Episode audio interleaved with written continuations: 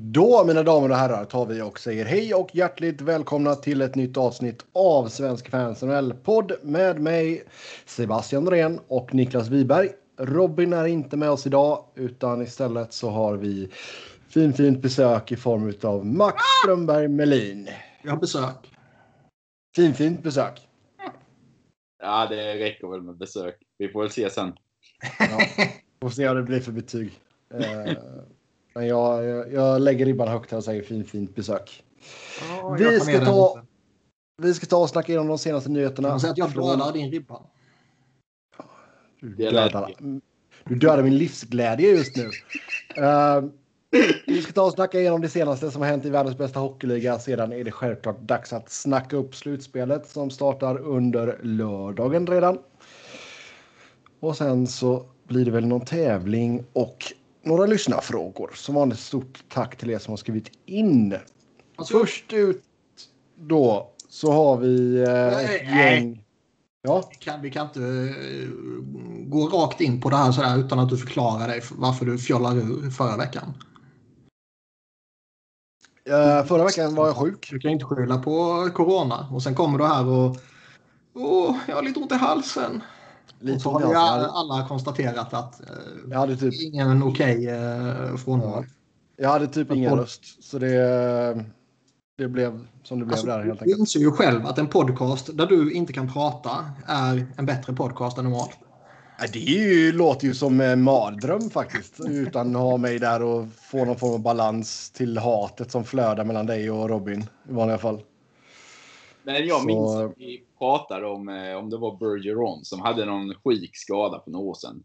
Eh, om det var reben eller vad. Så sa någon av er att man kan ju podda även med brutna reben.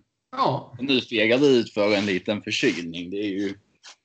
Alltså man kan ju podda utan reben men du kan ju inte podda utan röst. Så eh, det, det, det beror lite på situationen så att säga. Jag har ju poddat med bruten fot. ja. Så, eh, men utan röst, det är väl inte att rekommendera. alltså det, en, det enda jag tänker på och den enda liknelsen jag får när du säger att du poddade med bruten fot. Det är eh, Michael Scott bränner sin eh, fot på... eh, Ja, på våffeljärnet där eller vad det nu var. George Foreman grill var det. I love the smell of bacon in the morning. Ja, ja den är fin. Så gör inte det. Gör inte bacon på en George Foreman grill i sängen. Pro- Pro tip från Michael Scott helt enkelt. Yes, vi tar och börjar med eh, tränarkarusellen här. Så John Tortorella fick inte förnyat i Columbus och Rick Tocket fick inte förnyat i Arizona. Och sen så sparkades David Quinn från New York Rangers. Eh, om vi börjar med tårtan och Columbus här då. Så eh, sex säsonger blev det ändå för honom. Eh, känns som att de åren gick fort på något sätt. Tårtan och sex klingar inte okej. Tårtsex. Det kändes ju lite som att han eh, med facit i hand så här så kändes det ändå som att han var en till stor del bra fit för Columbus. Även om jag är tämligen övertygad om att han bidrog till att driva bort några av deras stjärnor. Liksom. Ja. Så fick han ändå de relevanta. Och jag tror absolut att Tårtan kan, eh, nu när han har ändå förändrat sig lite jämfört med den gamla Tårtan, så tror jag ändå att Tårtan i, i rätt omgivning med rätt förutsättningar fortfarande kan vara en eh, helt okej NHL-coach. Liksom. Absolut. Eh, samtidigt måste man väl sätta... Alltså man kan ju se på hans tid i Columbus på två olika sätt. Å ena sidan så blev de ju ett stadigt slutspelslag. Och det är en bedrift. Alltså jag tycker att det är väl eh, typ det mesta de kunde förvänta sig med tanke på... Ja, sen samtidigt... Vad Liksom, de hade. han, ja, sen är det liksom lite sådär, han, typ, han hyllas som något av det största de har haft. Liksom. Och visst, han tog dem till fem slutspel rad eller vad det var. Liksom. Men han vann första rundan en gång. Liksom. Jo, jo. jo men, alltså det, men det visar ju också på hur, hur, Vilken jävla skitorganisation det är. hur eh, liksom Torte har varit med framgångar där också liksom. Ja, Eh, du sa Niklas eh, var viktig liksom för Columbus. Jag säger relevanta liksom. Att ändå gå till slutspel, eh, sen inte komma någonstans var nu viktigare än att liksom kanske behålla alla stjärnor som ville därifrån och liknande. Så ändå visa sig relevant och att man kan hävda sig på något sätt. Och det tror jag är en viktigare del för Columbus eh, kortsiktigt, eh, att man lyckas med det. Och kanske nu på lång sikt kan bygga vidare på det och nå framgång mer med en annan coach. Men han gjorde dem ändå till ett lag som är respekterat i ligan mer än vad de var innan han kom in. Ja. Oh, ja. Nej, alltså sen denna säsongen var ju en rejäl eh, missräkning för dem. Jag tror inte att de förväntade sig att gå så här dåligt. Sen... Eh, alltså det är ju en tuff division de var i.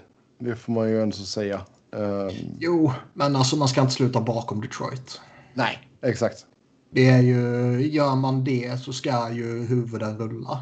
Och även om det här kändes som en naturlig eh, process att han lämnar med tanke på utgående kontrakt och hela skiten liksom. Och det känns som att med facit i hand så skulle han nog eh, lämnat för mm, en eller två säsonger sedan. Ja, och sen har alltså just life tack... som det kan inte vara sex år. Men sen är Nej, det men jag... göra sig av med han när man ändå har tagit steg för steg. Liksom, det slog ut Tampa 2019 eller vad det var. Sen så slog det ut, ja det var ju play-in-spelet mot Toronto, men det tog ju ändå steg för varje år med han. Mm. Kanske det är svårt att, Det är jättesvårt. när du vet vilken eh, nivå du kom från och vad du var på nu med han, så är det kanske svårt att, även om eh, det stadiet de stod upp inför denna säsongen, kanske någon annan kunna ta dem vidare ett steg till. Men det är väl ändå lite så att man vill ge den han chansen då som har tagit dem till den nivån och se om han kan lyfta dem en till. Och det Ja, än att han inte kunde. jag tror inte de var jättesugna på att betala, bara ligga och betala hans lön i ett år heller. Liksom. Ehm, Nej, inte de, under de här Faktiskt. förutsättningarna. Sedan, alltså man, han bör väl kunna få ett nytt jobb ganska eh, enkelt. Men alltså man får ändå ställa sig lite frågande till besluten han tog under säsongen här med liksom bänkningen av Line och Roslovic och, och så vidare. Det, sen kanske det blåstes upp lite väl mycket på sociala medier kanske som det ofta Nej, gör. Man är inte Men- men... Columbus och bänkar Patrik Laine utan att det ska blåsa upp. Nej, jag, jag, det alltså, ska som blåsas sagt, upp utav jag, helvete. jag tycker inte man ska bänka sin bästa spelare utan som vi har pratat om här istället sätta honom i så, så bra position att lyckas som möjligt. Nej, och du har redan gjort samma sak med Dubois tidigare, eller liknande i alla fall. Och så får du in Line som har ännu större potential, men eh, då kan du inte göra om samma grej som du gjorde en månad tidigare. Det, Nej. alltså, någon måtta får det vara på den idiotin. Sen, eh, såklart, du kan ju sätta ett exempel med att bänka en eh, period eller så, men eh, så som det var en ganska lång tid med Line nu när han kommer in efter ett tag så eh, då eh, gör det väl att du inte kan vara kvar på sikt i alla fall. Mm. Nej. Eh, man gjorde ju även sig av med någon av de assisterande tränarna. Så vi får väl se här vad som händer och fötter med Columbus. Det är ju några tränare som är tillgängliga nu i alla fall. Blir lite konkurrens för Seattle kan man ju inte säga. Mm. Men jag undrar alltså... Eh, Columbus borde komma rätt långt ner på intresselistan om man är en coach som letar efter jobb och man ser vilka jobb som finns tillgängliga. Ja, det kan man Och fram, säga. fram, framförallt om man tänker att det är väl inte helt omöjligt att det är ett eller två jobb till i slutspelslagen som kan bli tillgängliga det beroende på hur det går där. Nej, nej, det är ju mycket möjligt att det kommer fler öppningar. Absolut. Absolut. Eh, Ska, ska man, eh, om man har haft båten och det ändå har gett relativ framgång. Eh, när man ska ta in en ny coach, ska man ta in liksom eh, något liknande eller ska man gå en helt annorlunda väg? Alltså det hade varit intressant att se eh, om de går en helt annan väg. Liksom, eh, vad detta spelarmaterialet kan få ut. För utöver att det inte finns någon första center så är det ju ett ganska så homogent och nästan komplett lagbygge som man har. Så gå motsatta vägen mot eh, tårtan och se vad man kan få ut då hade ju varit intressant. Men jag vet inte, Kekkelainen, han känns väl lite eh, åt det spåret att han gillar tårtan-sättet och så. så han, det skulle inte förvåna om han går i den riktningen en gång till. Mm. Nej. Skulle det, skulle det vara roligt om vi får se Tocket och Tårtan bara byta lag helt enkelt? Ja, tårtan har ju bytt med... Var det Vigno han bytte med, bytte med en gång? Så han är väl van vid att bara byta rätt av. Byta hus och allting. Ja. Ja. Nej, men alltså visst att, att du kanske får in någon som är lite av en sån här... Uh, ja, vad ska man säga? Drill... Uh, drill sergeant, vad fan blir det på svenska? Sergeant. Ja, en drillande sergeant. Jag vet inte. ja exakt. Ja, I alla fall. Lite av en hårding. Ehm, det är visst. Det skulle inte förvåna mig. Alltså det blir ju intressant vad Kekkeläinen gör också. Alltså Columbus har väl ett beslut att ta här också. När det kommer till eh, Korpisalo och Merslikins. Ehm, bör väl trada en av dem inför expansionsdraften. Ja. Det gör man väl rimligtvis. Det känns som att de skulle bli ligga pyrt till annars. Ja, jag tycker väl inte att... Eh, man kan ju inte exponera en av dem och förvänta sig att eh, Seattle inte kommer ta någon av dem. För tittar man på laget i övrigt, även om det finns rätt, rätt många pusselbitar som är rätt vettiga, liksom, så är det ju... Vare sig backbesättningen eller forwardsbesättningen ska de ju lyckas lämna något bra tillgängligt. Utan det är ju de två målvakterna. Mm.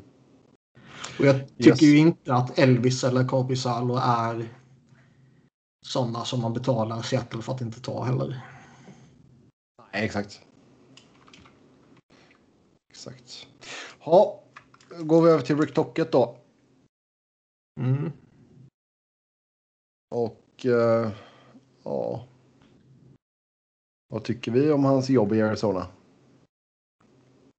Ja, han gjorde väl vad man kunde förvänta sig, typ. Eh, så, det är ju en svår... Eh, satsar ju inte fullt ut och de laget på pappret är ju inte jätteattraktivt, men eh, man var ändå relevant och var med och nosade på slutspelsplats alla år han var där. Så eh, de har väl ändå tagit steg i rätt riktning under åren han har varit där.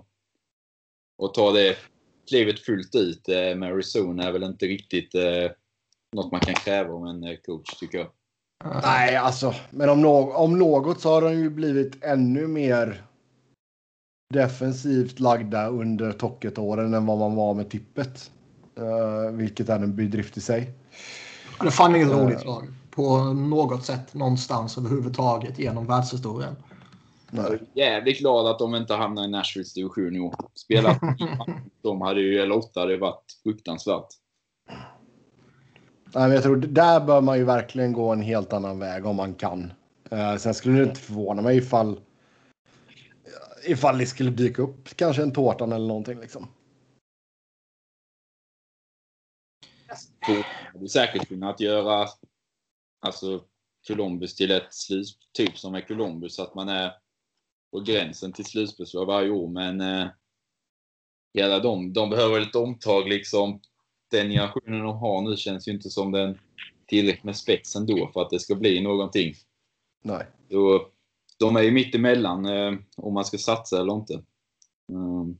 Och då var du till för coach spelar väl inte så stor roll om du inte ska gå på något helt nytt. Något college-spår eller något liknande med en coach bara för att testa. Vilket hade varit intressant att se. Arizona är ju ett lag som skulle kunna göra det. Som inte har den eh, pressen fullt ut. Så jag hoppas att de går något sånt oprövat håll och testar vad som finns mer än bara alla gubbarna som dras runt ligan. Svårt att se. Alltså det känns som att Arms Armstrong skulle nog älska någon sån gammal gubbe. Ja, det tror jag med, men Arizona är väl ändå i sitsen att man skulle ha råd, om man kan säga så. Oh ja. Jo, Så- alltså jag tycker det hade varit jättespännande, men jag tror att Ar Armstrong, alltså jag försöker fortfarande klura ut lite vad han är för typ av GM liksom. Det är... För Rangers går ju inte i det hållet som också ska byta coachen. Det är ju mycket större chans att eh, Arizona Nej, alltså, det hållet. nej, nej, för fan. Rangers ska ju börja växla upp ordentligt nu väl? Så där Ja. vill man väl ha in något beprövat.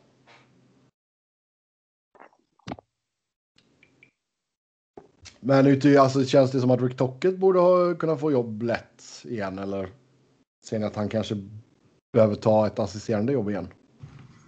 Jag är lite skeptisk till honom som head coach. Däremot tycker jag han framstår... Alltså han är väl ett typexempel på en snubbe som kan vara en briljant assisterande coach. Men kanske lite... Lite för stort steg upp och bli head coach. Ja, han var väl otroligt uppskattad i Pittsburgh när han vann back to back. Ja, man har ju hört jättemycket gott om honom som assisterande ju. Men hans, eh, hans försök som head coach har ju varit eh, sådär får man väl säga. Sen är det väl kanske svårt eh, med ego och liknande att när du väl har fått testa på att vara headcoach är det väl svårare att gå tillbaka till assisterande. Mm. Det steget är ju inte så jäkla vanligt att man ser tränare ta. Jag skulle ju skicka Michel Ferrien åt helvete eh, så fort det bara går och signa upp Rick Tocket till att bli min PP-coach. Ja, men du hade ju hellre anställt Gritty som PP-coach. Absolut.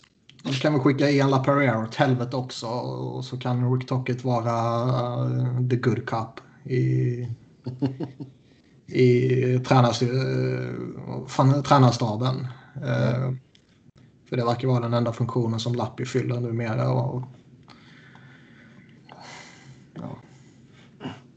Nej, alltså det blir ju, blir ju lite intressant att se här vad Arizona ska hitta på också. För det är många utgående kontrakt på lite åldrande backar. Så intressant ska det inte bli. Ja, det ska bli ganska intressant faktiskt. Nej. Sen får man ju se, alltså kommer, Arm, kommer Armstrong gå tillbaka till Ekman Larsson igen? Han försökte. För, Tillbaka för, till. Ja, alltså. För, Ja, Frida. Ja. Ja. nu fattar jag. Men blir de av med draftval till denna sommaren med? De har ju inget första val denna sommaren. Nej, det var denna sommaren de med det till. Mm. Och eh, ing... Ja, de har två andra rundsval har de. Ja. Och eh, det de har i systemet. Ja. Eh, Ingenting. Det är inte- det är inte jättemycket alltså. Söderström, han har väl ändå sett OK ut nu. nu. Ja, ja, alltså absolut. Jag tycker Sö- Söderström absolut. Uh, Barrett Hayton kan fortfarande bli någonting, men det är inte, alltså vi snackar ju inte killar som man ser som franch, som jag tror kommer gå in och bli franchise-spelare liksom. Nej, det viktiga är väl att eh, Chikrin och Clayton Keller, alltså Chikrin har tagit steg i år, men att Clayton Keller liksom att de som är 22-23 fortsätter växa ut och blir vad man kanske trodde de skulle bli från början. Ja, alltså Keller måste ju fortsätta och eh, han måste ju åtminstone hitta tillbaka till 17-18 produktionen där han ligger runt 65. Eh, för jag menar ligga och betala honom 7,2 miljoner nästan om året i sju år till. Eh, så absolut.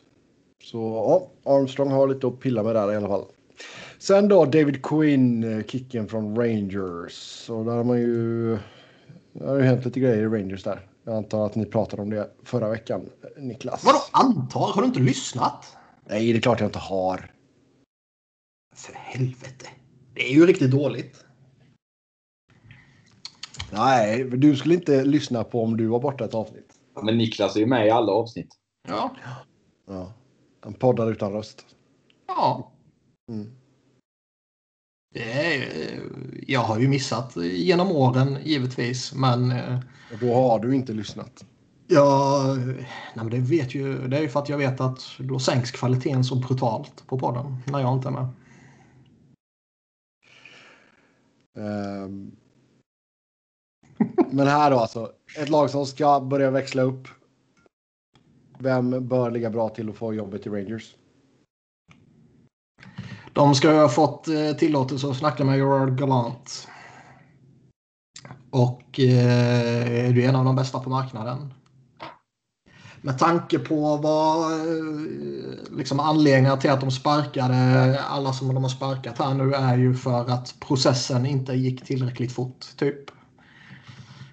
Enkelt förklarat. Och lite som vi var inne på tidigare så tror jag ju inte då att man eh, det kommer ju några uppgifter här nerifrån Växjö liksom att de ska kolla på Sam Hallam och har din ägare precis rensat huset för att han vill att processen ska gå fortare då chansar man inte med en snubbe som Sam Hallam även om jag tycker att han är en, en av extremt få intressanta svenska coacher. Mm. Utan då, man kommer ta något beprövat liksom. Sen om det blir Tortorella som eh, eh, som kanske känns lite avlägset men som det eh, då sägs att eh, Dolan, ägaren, eh, uppskattar. Okay. Eh. Men ge mig det. Ge mig en bild på Tortorella på Times Square och sen på en av de här stora jävla du vet de här reklamgrejerna så bara står det bara I'm back. Ja. Sen så ser man hur uh, Panarin I'm leaving. ja. Nej, men liksom det känns som det kommer bli något etablerat. Sen så uh, det som har sipprat ut uh, är väl galant och det tror jag är ett, ett ypperligt coachval oavsett vilket lag man är. Jag, jag håller han högt liksom. Man skulle inte bli ett dugg förvånad om de kollar med tårtan, om de kollar med Babcock. Liksom. Eh, framförallt om det är lite ägardrivet också. Ja. Då ska ägaren vara där och fingra. Då känns det ju verkligen som att både Tårtan och, och Babsan eh, definitivt kommer lyftas som alternativ i alla fall. Ja, det känns väl som de kommer gå i den riktningen i alla fall. Eh, något rutinerat åt det hållet. Det ska mycket till om jag har något annat.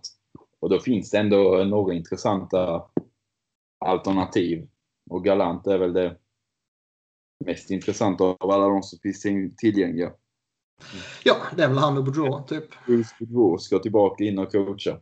Men det känns väl tveksamt och han har ju inga slutspelsframgångar, vilket är det som Rangers vill uppnå nu. Mm. Annars har han väl ett eh, jäkligt intressant namn att få jobba med den eh, stummen som Rangers byggt upp nu. Han har gjort bra resultat med Minnesota som inte var så jäkla attraktiva när han var där och liknande. Nej, jag tror väl Claude Julien äh, lär väl få samtal också.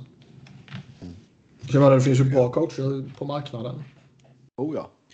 Och Rangers känns verkligen inte som... Alltså, både Arizona och Columbus kan man ju ändå argumentera för att eh, de kanske kommer gå någon collegeväg eller kanske till och med Europavägen eller något sånt där.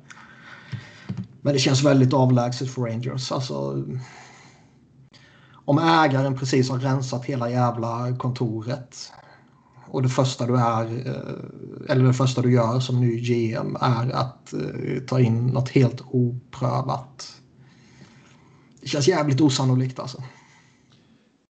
Ja, ja, det hade varit en jävla gamble. Absolut. Nej, Rangers är definitivt lag att hålla koll på här kommande säsongen. Så du har ju fortfarande ett gäng framträdande spelare på entry level-kontrakt. Så man ska nog verkligen försöka ta nästa kliv nästa säsong i alla fall. Ja, och på tal om det, om vi skriver kontrakt med Ryan Lindgren. Exakt 3 miljoner blev det capita på ett treårskontrakt för den 23-årige Lindgren från Minneapolis, Minnesota. Ja, det är väl inte så mycket att säga om det. Det är väl en stabil back, inte mer eller mindre. Det är väl inte det mest intressanta de ska göra i sommar. Det är ju alla andra som är utgående och framöver sen. Kontraktet med Lindgren är väl inte så mycket att säga om egentligen. Nej, alltså du har ju Sjestärkin som blir RFA och Kittil som blir RFA. Butjnevitj blir RFA. Sjustärkin var alltså vad om vi ska försöka kolla i någon form av kristallkula. Vad ska han landa på för, för typ av kontrakt? Det blir väl ett 6 gånger 6 eller något liknande. Binnington-kontrakt ungefär. Det är väl det nya vanliga målvaktskontraktet när det är under super super eliten. Ja. Skulle ändå kunna se något scenario där han signar typ ett tvåårskontrakt lite billigare. Typ eh, Vasilevski spåret innan han fick sitt monsterkontrakt. Ja, men skriver du det så har det sommaren 2023 och då går väl eh, Lafreniers kontrakt ut. Och där, han kan ju bli riktigt jäkla dyr, eh, Chesiakin, om han slår eh, fullt ut. Ja, verkligen. Det Det är, det, ju, är kanske därför, det är kanske därför han vill avvakta också. ja, det är ju en gamble som eh, både för han och Rangers om man vill ta den eller inte. Ja. Både för och nackdelar på båda två. Men han känns väl ändå så pass säkert kort. Han har varit dominant på alla nivåer han har stått på. Och han var väl en, i alla fall övre halvan, första målvakt i ligan detta året. Hans första hela säsong. Så att han kommer Ja, legitimt han första målet är ju inte så. Men sen är ju målvakter alltid eh, riskabelt att skriva kontrakt med. mm. han, kommer, bli- han kommer vara en bra målvakt i många år framöver. Men det känns som att antingen signar de väl det där 6 gånger 6 eller vad fan det är. Eller så signar de väl eh, tvåårskontrakt, typ treårskontrakt. Mm. Yes. Sen så Jack Eichel eh, under sin exit-intervju eh, kan väl vara ute och svinga lite ibland. Och eh, Jack Eichel och Buffalo fiender? Frågetecken står det i körschemat. Mm. Fan, ta bort frågetecknet. Vad fan sätter ett frågetecken för? Han börjar tröttna nu. Det är ju... Han har ju problem med sin nacke, med någon jävla kota där eller vad fan det är. Och han vill göra en operation som eh, inte... Som är relativt ny och inte är eh, så jätteutbredd. Och det finns inte jättemånga exempel på folk som har genomfört en sån här operation och eh, alltså då topp, topp atleter och sen kommit tillbaka för att det har varit så få tillfällen där operationen genomförts. Typ. Eh, han vill göra det och Buffalo är tveksamma och eh, enligt CBA så är det tydligen Buffalo som bestämmer vad som kommer ske. Så de har väl slutordet men eh, Känns samtidigt som ett, en märklig situation att liksom om det är det här som slutligen är det som bränner relationen mellan dem.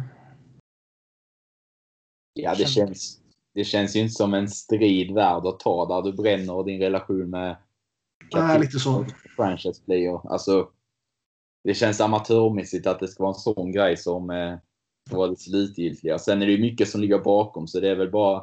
Ja, det här kan ju vara sista droppen bara. Liksom. det är ju ändå så ja, amatörmässigt på många plan.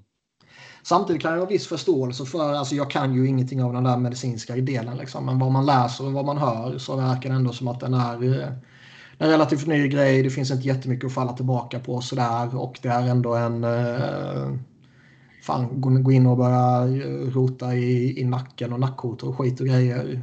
Eh, det kanske inte var vad man vill vad man vill göra på ett kontrakt värt 80 miljoner dollar om man bara ser på det rent krasst. Liksom. Nej. Så det finns ju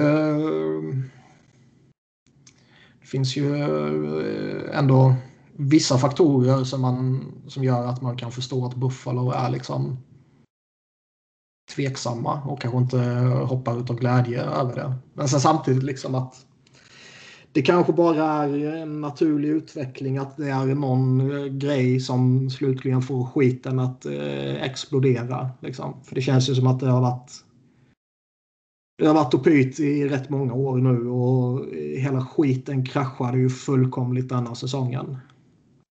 Med Raffe-fiaskot i hela tramset. Och eh,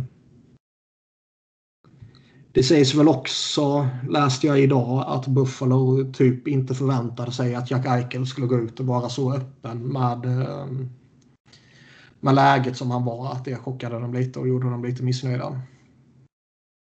Så det känns ju verkligen som att den relationen är åt helvete och en, en trade kommer ske. Ja, det är väl nästa sommar som hans eh, no trade kickar in. Mm.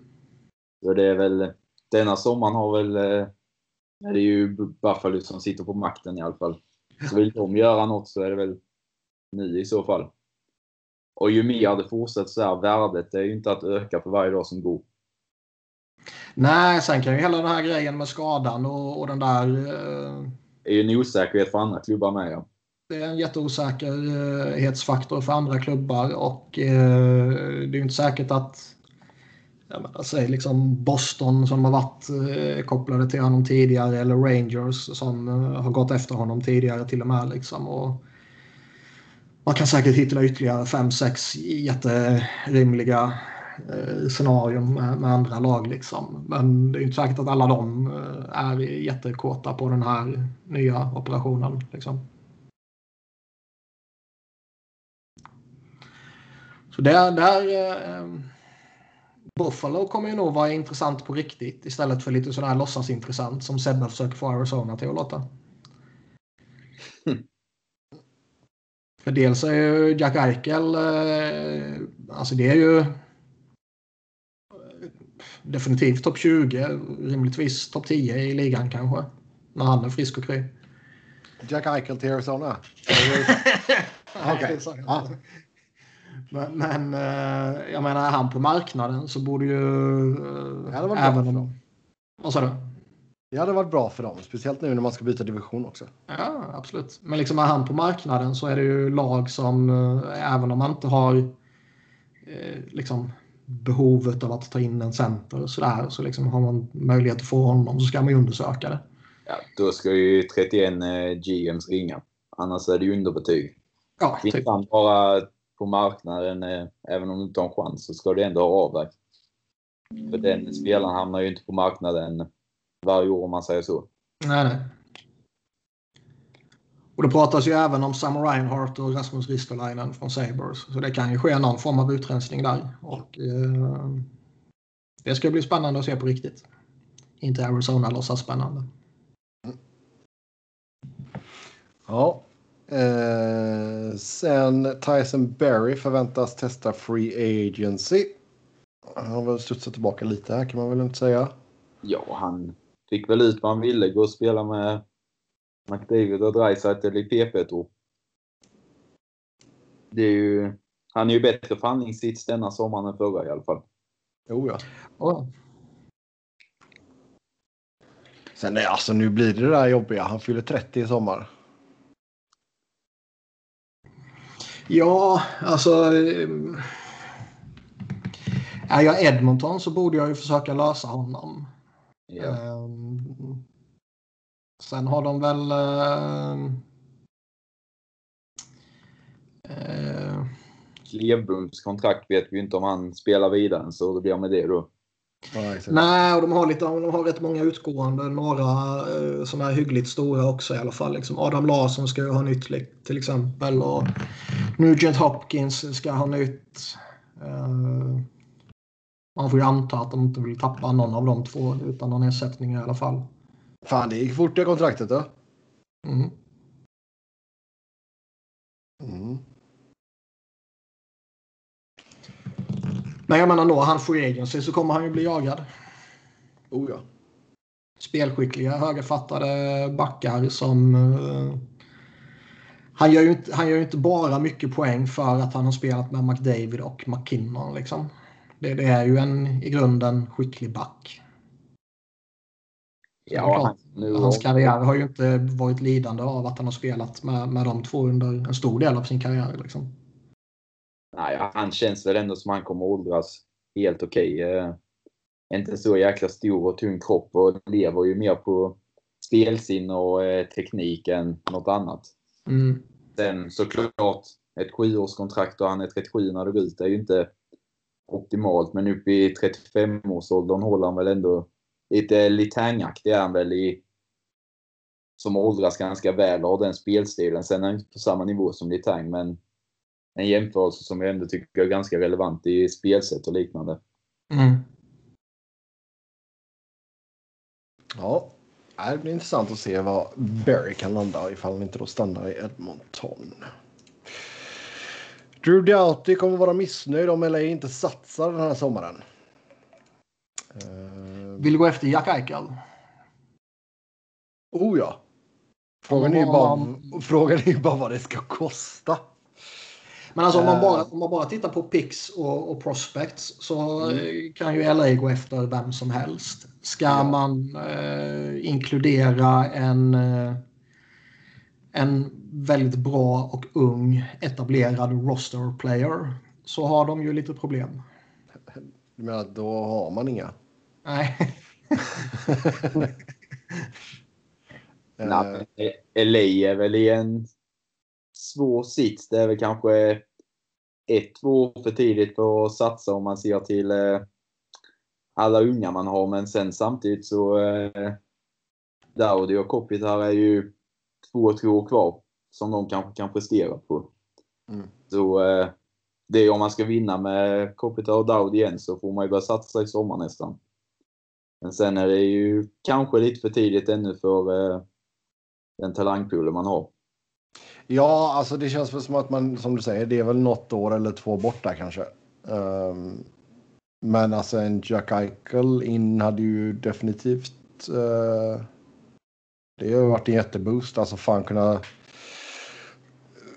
stoltsera med Kopitar och Eichel som one-two punch på centersidan hade ju... Det hade varit riktigt jäkla nice. Men, det, kän, eh, det, känns dock som en felaktig fit så tillvida att liksom de är ju inte i närheten av att kunna utmana på riktigt liksom. Och det är inte så att han pluggar igen det där sista hålet som finns utan de har Kopitar, de har Dowdy och sen har de lite utfyllnad som är okej. Okay. Och sen har de en drös spännande talanger ja. som eh, kanske bra om ett år eller kanske om fem år. Liksom. Ja, och Alex Turkus kanske blir vad, det är högt begärt, men vad Eichel är. Alltså det vet vi inte om tre år. Aha. Nej, exakt. Liksom, och han, han ingår ju minst i traden. Kanske Quinton Byfield, jag vet liksom inte det. Men det blir ju svindyrt. Och då får ja, alltså, jag skulle väl kallt räkna med en av dem. Ja, minst en av dem. Ja. ja absolut. Och där, Nej, alltså där kanske du har Eichel i ditt egna lag redan nu. Fast två, tre år bort. Mm. Mm. Nej, vad man har i systemet Kings, det ser ju otroligt spännande ut. Men som sagt, eh, nej, det skulle ju till ett jäkla paket för Buffalo. Samtidigt så visst, de skulle få eh, kunna få jäkligt bra med picks och talanger liksom, men som Niklas säger, det finns ju ingen direkt roster-spelare som som man kan kasta in som är i någorlunda vettig ålder och sådär som skulle kunna väga upp lite också. Utan det är ju om Buffalo känner att, ja ah, men total rebuild liksom. Ja, men då gör de det för fjärde gången på sju år liksom. Det är ju hur många gånger man kan göra det. Ja. Det, har ju inte, det har ju inte slagit väl ut någon gång. Du har liksom draftat Reinhardt, du har draftat Dahlin, Eichel, alla topp tre under en sjuårsperiod eller vad det är någon gång kan, måste du ju försöka ta tillvara på dem och inte bara börja bygga om hela tiden. Nej. Mm. Nej, helt sant. Nej, vi får väl se där ifall man kan uppfylla Doughties önskningar. Annars blir det väl att man försöker, alltså något, något mellannamn. Alltså jag tror inte... Alltså visst är det varit jättekul att se Eichel liksom som en så ses som en bona fide star liksom. Men jag tror inte det blir något sånt där riktigt stjärnnamn direkt.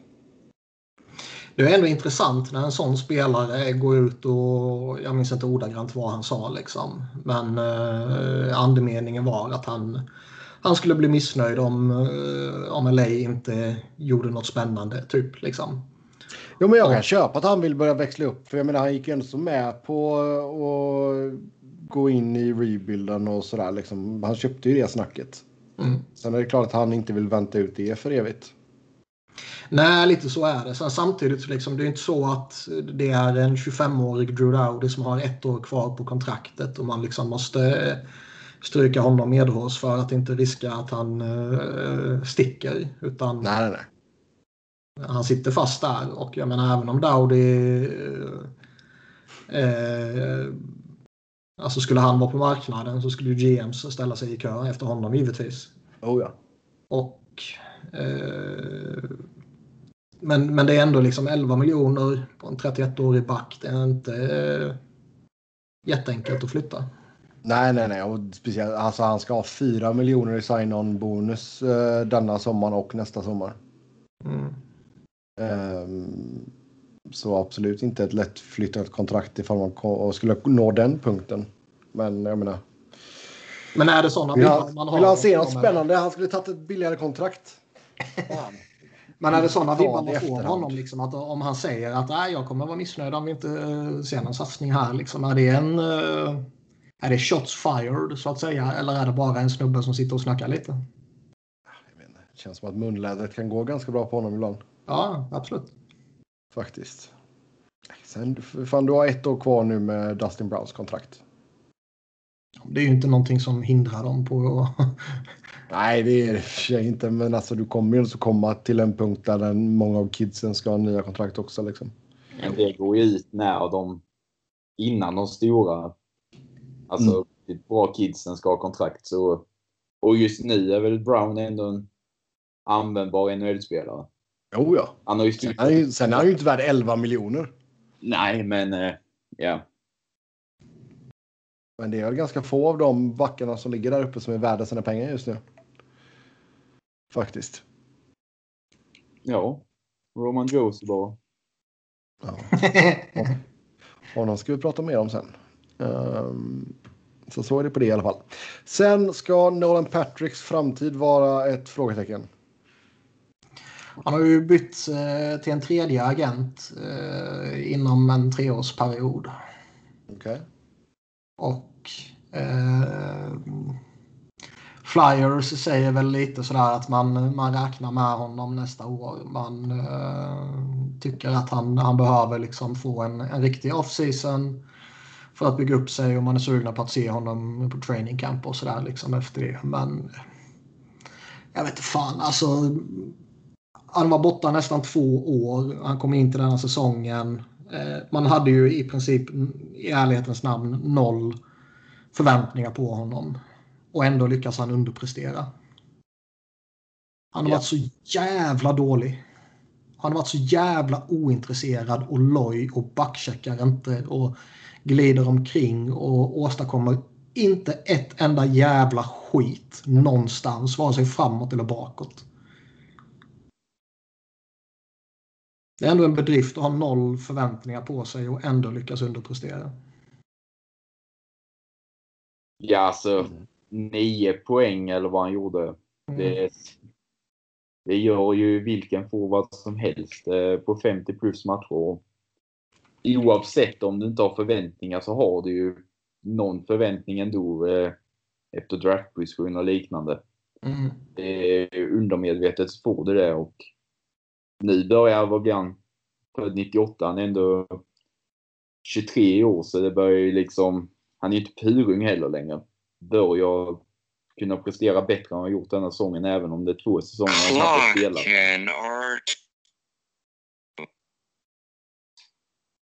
Vad gjorde du nu Sebbe? Vad var det? Nej, det var inte jag.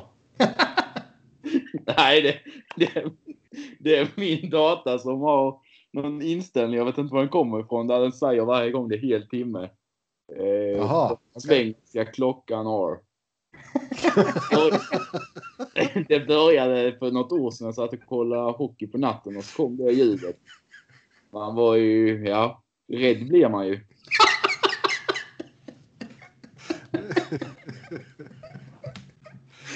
Ja, sådär ja.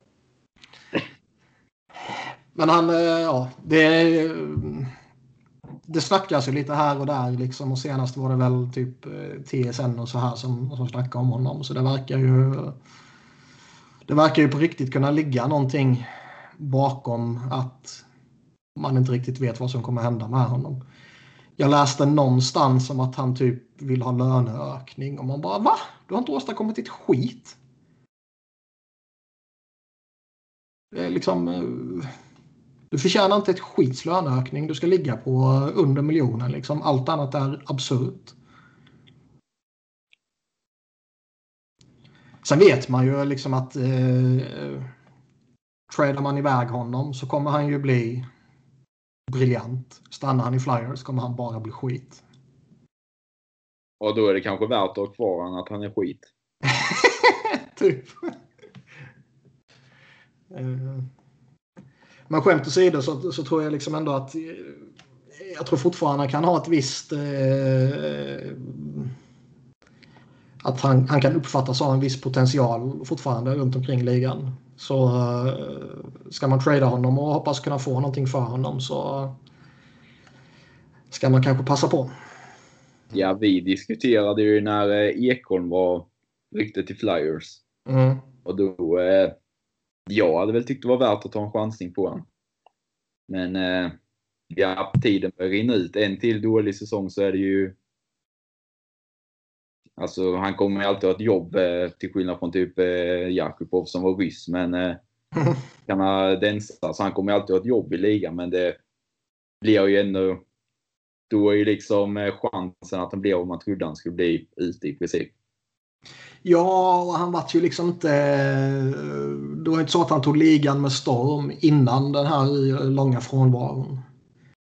Utan han var ju... Han kanske inte hade en floppstämpel på sig eh, där, men snudd på. Eh, så det är inte så att han har visat något fantastiskt och sen så haft lite oflyt och varit borta nästan två år och sen ser lite skakig ut när han kommer tillbaka. Utan det fanns ju stora frågetecken kring honom redan innan den här uh, jävla skitsäsongen. Liksom. Ja, han kom in och gjorde drygt 30 poäng två första åren. Mm. Alltså första året är det väl helt okej, okay, men andra behöver man ju ändå växla upp till 50-60 kanske om man ska vara... Alltså vad han kunde blivit. Så Mm. det var redan där man eh, kände att han nu inte blir vad man eh, potentialen ser ut att han skulle kunna bli. Nej, lite så. Men sen är det klart efter två år och du draftar en tvåa, där vågar du inte trada bort han. Nu är det väl lite mer att man kanske vågar. Har man ändå gett han eh, tre, fyra säsonger och försöka alltså, prestera på en högre nivå. Då har man ändå haft Ja. med honom och liknande. Och han är ändå så uh, unlikable. Alltså så att det, det är ju ingen som skulle bry sig om han blir bortbytt. Nej, men det är ändå ett eh, second over- overall pick. Det Ja, det, det är ett misslyckande på alla sätt och vis. Liksom. Och, eh, men det är ju inte så att det är någon, eh, det är ingen publikfavorit som kanske har det lite tufft som eh, man eventuellt skickar ut. Utan han, har ju, han är inte uppskattad någonstans. Liksom. Han var så jävla dålig. Eh, usch. Är han på Vandervelde-nivå typ? Han var sämre än Vandervelde-nivå. Eh, eh, så jag måste hitta den här jävla tweeten. Eh, prata medan jag letar efter den. Nej, totalvägrar att prata.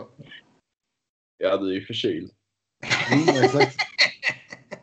Finns eh, inget utrymme här. Nolan Patricks eh, points per 60 var 0,78 eh, under den här säsongen. Chris Van der Velde hade 0,96 under hans sista år med Flyers. Okej. Så är man sämre än Chris eh, Van der Velde då är man eh, tämligen jävla klappkass. Eller är inte Vandervelde så dålig som du vill framstå att han var? Eller så håller du käften. Det är lätt att reta igång där.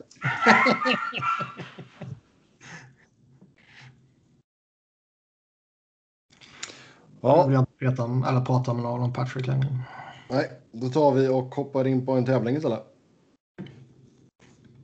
Och eh, ni två ska få äran att eh, berätta för mig vilka spelare som sedan år 2000 eh, tills nu har fått eh, Ja, inte in i framtiden. nej, över tusen utvisnings, utvisningsminuter. Sen Det är år framåt. Från år 2000 och framåt.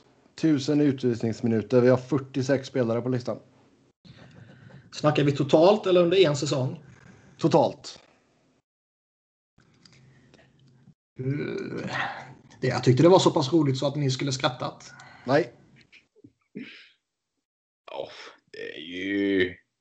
Det här är fan svårt alltså. Mm, Varsågoda. Ja, men här kan man ju åka på första. Du kan få, du kan få börja. Ja, gästerna får börja. Så slipper jag åka på första kanske. Detta har man ingen aning om, men... Eh, ja, man får väl ta någon gammal eh, fighter eller någonting. Jag vet inte. Matt Cook. Matt Cook är med på listan. Spelare nummer 33. 1069 minuter. Hur många fanns det på listan? 46. Chris Neal måste ju vara med. Chris Neal är etta. 2522 utvisningsminuter på 1026 matcher. Det är inte illa pinkat.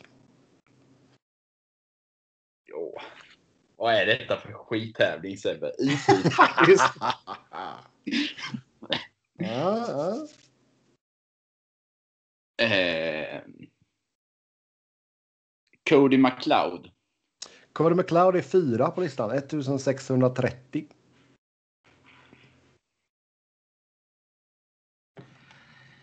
Chara måste ju vara. Chara är tvåa. 1810 minuter. Chara så högt upp alltså. Han har gjort nästan 1500 matcher sen eh, dess. Så Cody McLeod gjorde ju bara 776 matcher. Ja, men han har bra snitt. Ja, jävligt bra snitt. Ja, men då kan man ju tänka på några som har gjort eh, massa matcher. Eh, som är... Ryan Reeves har ju nu inte gått, nått upp än, även om han nu närmar sig. Men en... Eh...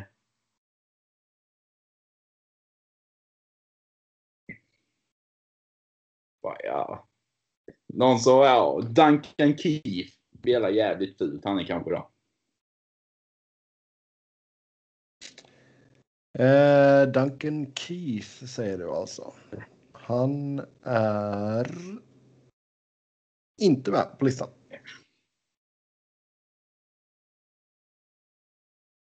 Du får en, en freebie kör vi va? Nej, avsluta den här jävla tävlingen. Nej, kom igen nu. Gissningar, vad är det? Alltså jag, har- jag, jag, jag har inget att gissa på. Nej, jag tog dem jag var relativt säker på. Sen kommer man inte på fler. Nej. Ehm, jag kan säga av de som är aktiva just nu. Det är väl lättare att säga det. Corey Perry, Ja. Milan Lucic, Wayne Simmons, David Backes, Tom Wilson, Joe Thornton, Antoine Rosell. Ja, några av dem kanske man skulle tagit. Men det här var, eh, det här var nog din sämsta tävling någonsin Sebbe. Det eh, är inte mitt fel att inte ni kan er historia.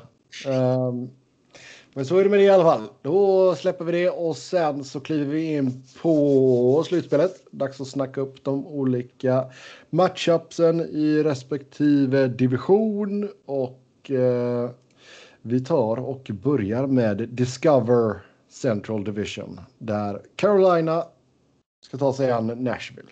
Och då är det ju passande att vi har Max här. Hur många Nashville-matcher på raken är det nu? 704. Du är seriös för du är dum i huvudet. Det är många, det är många timmar det. Ja, det... Jag räknar tre timmar på match typ. Så. Fan hur mycket blir det i powerbreaks? Ja, jag räknade ut det för inte...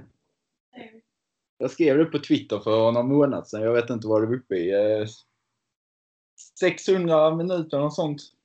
Nej, det var mycket mer. Nej, jag vet inte exakt. Men eh, mycket ödslad tid på powerbreak, ja. Ha en bok eller någonting som du kan läsa Ja, varje powerbreak. Du hade kunnat läsa finansböcker eller någonting. ja det finns Aktiebok. roliga saker. Dogecoin. Allt vad det nu heter. Men ja, eh, Carolina gick alltså och vann divisionen. Ehm, hur är känslan kring Preds nu då när man ska ta sig an Carolina?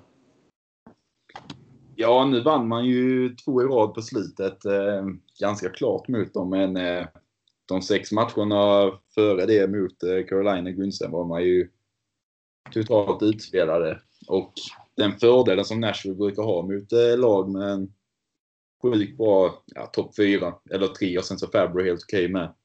Har man ju knappt mot eh, Carolina där Hamilton, Slavin och Pitchy är ja, typ lika bra som eh, Josie och Moelis. Mm. Ja, de är ruggigt bra. Så den eh, fördel man brukar ha eh, har man ju inte mot Carolina och forwardsuppsättningen är ju natt och dag att jämföra. Det är ju helt överlägset Carolina. Så allt kommer väl ner till om eh, Saros kan eh, bibehålla formen som han hade mot eh, slutet av, ja, eller hela grundserien i princip. Det är väl Ja, han det. har gjort det jävligt bra, får man ju säga. Ja, han är Skulle du lyssna på förra veckan så skulle du ha haft något bra att säga nu Sebbe. Alltså, Ja, vi hade ju en lyssnarfråga från Max som var väldigt oseriös. Jaha. Mm, men eh, nu fick man in den då, så det var ju bra. Nej, han frågade om eh, Sargos var världens bästa målvakt. Typ. Jaha, okej. Vem är världens bästa målvakt och varför är det Jussi Saros? Ja, okej, okej, okej. Ja. Nej, men denna säsongen är han väl eh, topp 5. Topp 3 förmodligen också. Eh, Jag skulle säga att han utan tvekan är topp 31 i alla fall. Ja, det, det, Passande ändå när han ska ha nytt kontrakt att han går in och storspelar ändå. ja, det, Vänta bara han får nytt kontrakt välbetalt så blir han mätt. Men det ändå jävligt lägligt. Eh, alltså man har ju suttit och väntat på honom nu i minst två, tre år på fullt allvar. Liksom. Kanske Ja. till och med lite längre än så. Eh, men det känns ändå som att ja, man har testat honom vid något tillfälle men liksom, det är jävligt ofta man har gått tillbaka till Pekarinne. Liksom. Och inte för att det kanske har varit något fel i det för Pekarinne har ju ändå eh, eh, hållit en hög nivå i många år trots den här eh, ebola-smittan som Sebbe eh, eh, Ja, ebola i höften var det va? Ehm, men nu när Pekarinne börjar bli gammal och börjar eh, fejda eh, iväg så ja, bra jävla timing för Jussi Saros att äntligen hitta den höga nivån. ja, för det var redan efter... Eh, gick ju till final 2017. Sen var det ju redan året efter när de vann eh, President's Trophy som eh, Laviolette gick ut på sommaren och sa att eh, nästa år ska vi under Gunsten försöka spela ett A och ett B. Att de stod 45-35 typ i matcher kanske, men eh, då var ju Saros klappkass. Det är ju till och med nedskickad och Mats Czarnek var ju uppe och stod i NHL som väl den sämsta målet jag sett i NHL typ. Och Rinne fick ju stå allt. Så det är ju först det, ja, slutet av förra Saros fick ju stå slutspelet mot Arizona. Sen har det varit eh, denna säsongen som eh, han har tagit det steget. Och det är ju som du sa välbehövligt och det tog ju längre tid än vad man hoppats på men eh, övergångs, oberäkneliga.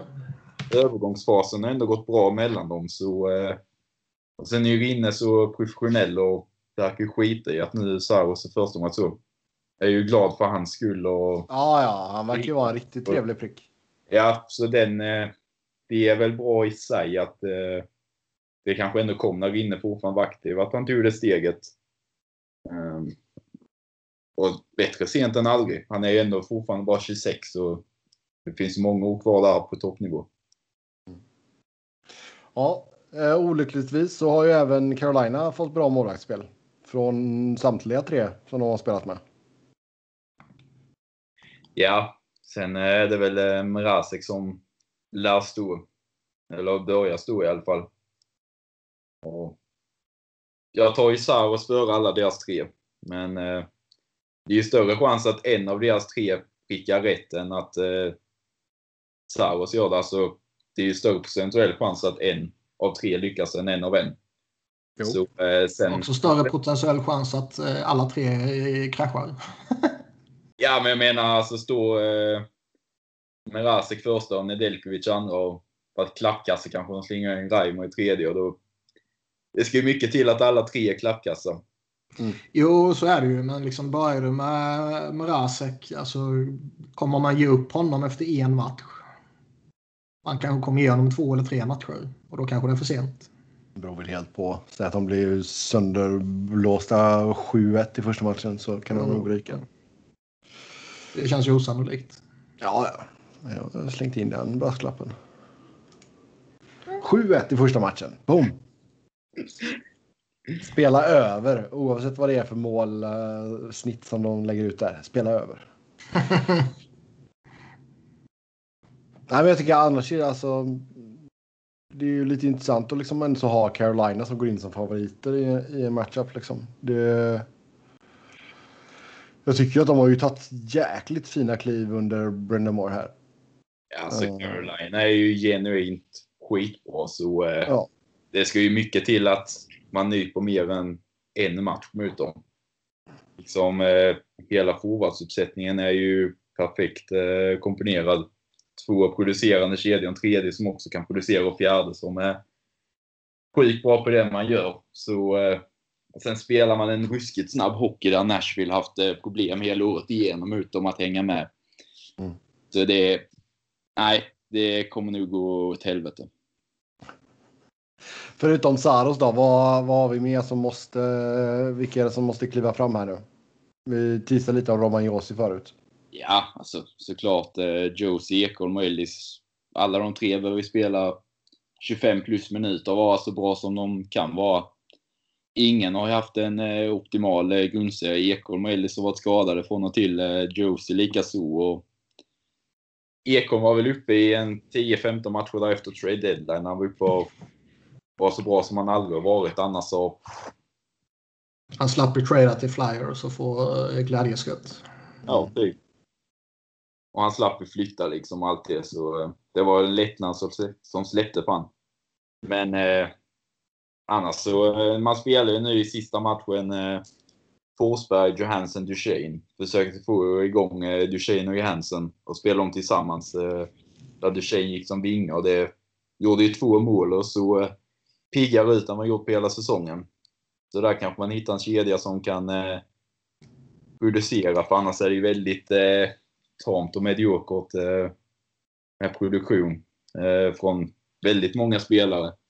Och nu ryktas det att eh, tolvanen ska vara petad eh, när man går in i slutspelet för han var dålig några matcher på slutet. Och det är bara så tråkig och old school eh, coachmentalitet att peta han nu när man går in i slutspel så tuffare. Alltså, du har ju inte större chans att vinna serien för att du spelar något annat skräp istället för han. Alltså, jag gillar eh, Trennin, men eh, spelar han istället för tolvan är ju ren idioti.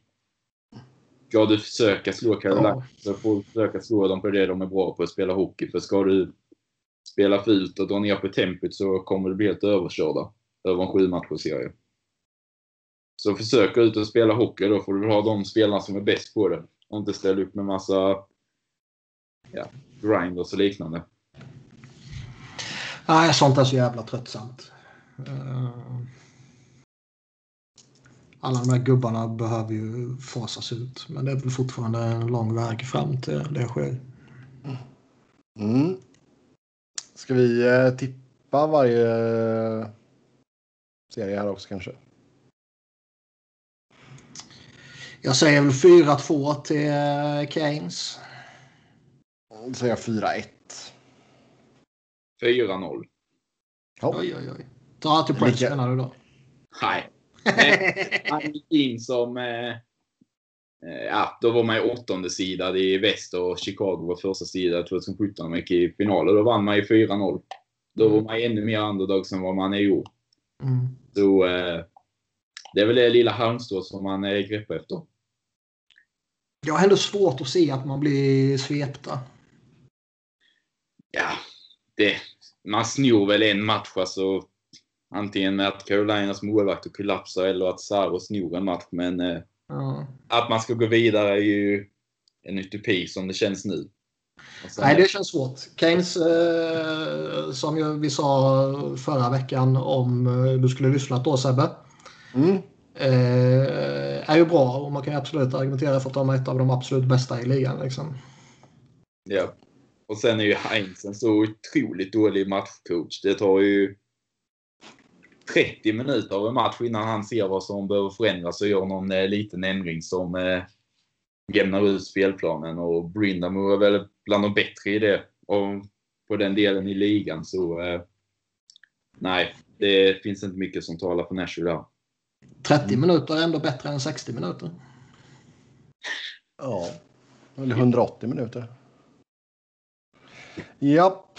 Lyssna på Sen mig har nu. vi- Jag känd för att vara positivt lagd. Ja. Sen har vi derby mellan Florida och Tampa Bay. Det är ju trevligt. Två lag eh, lite olika form här inför slutspelet.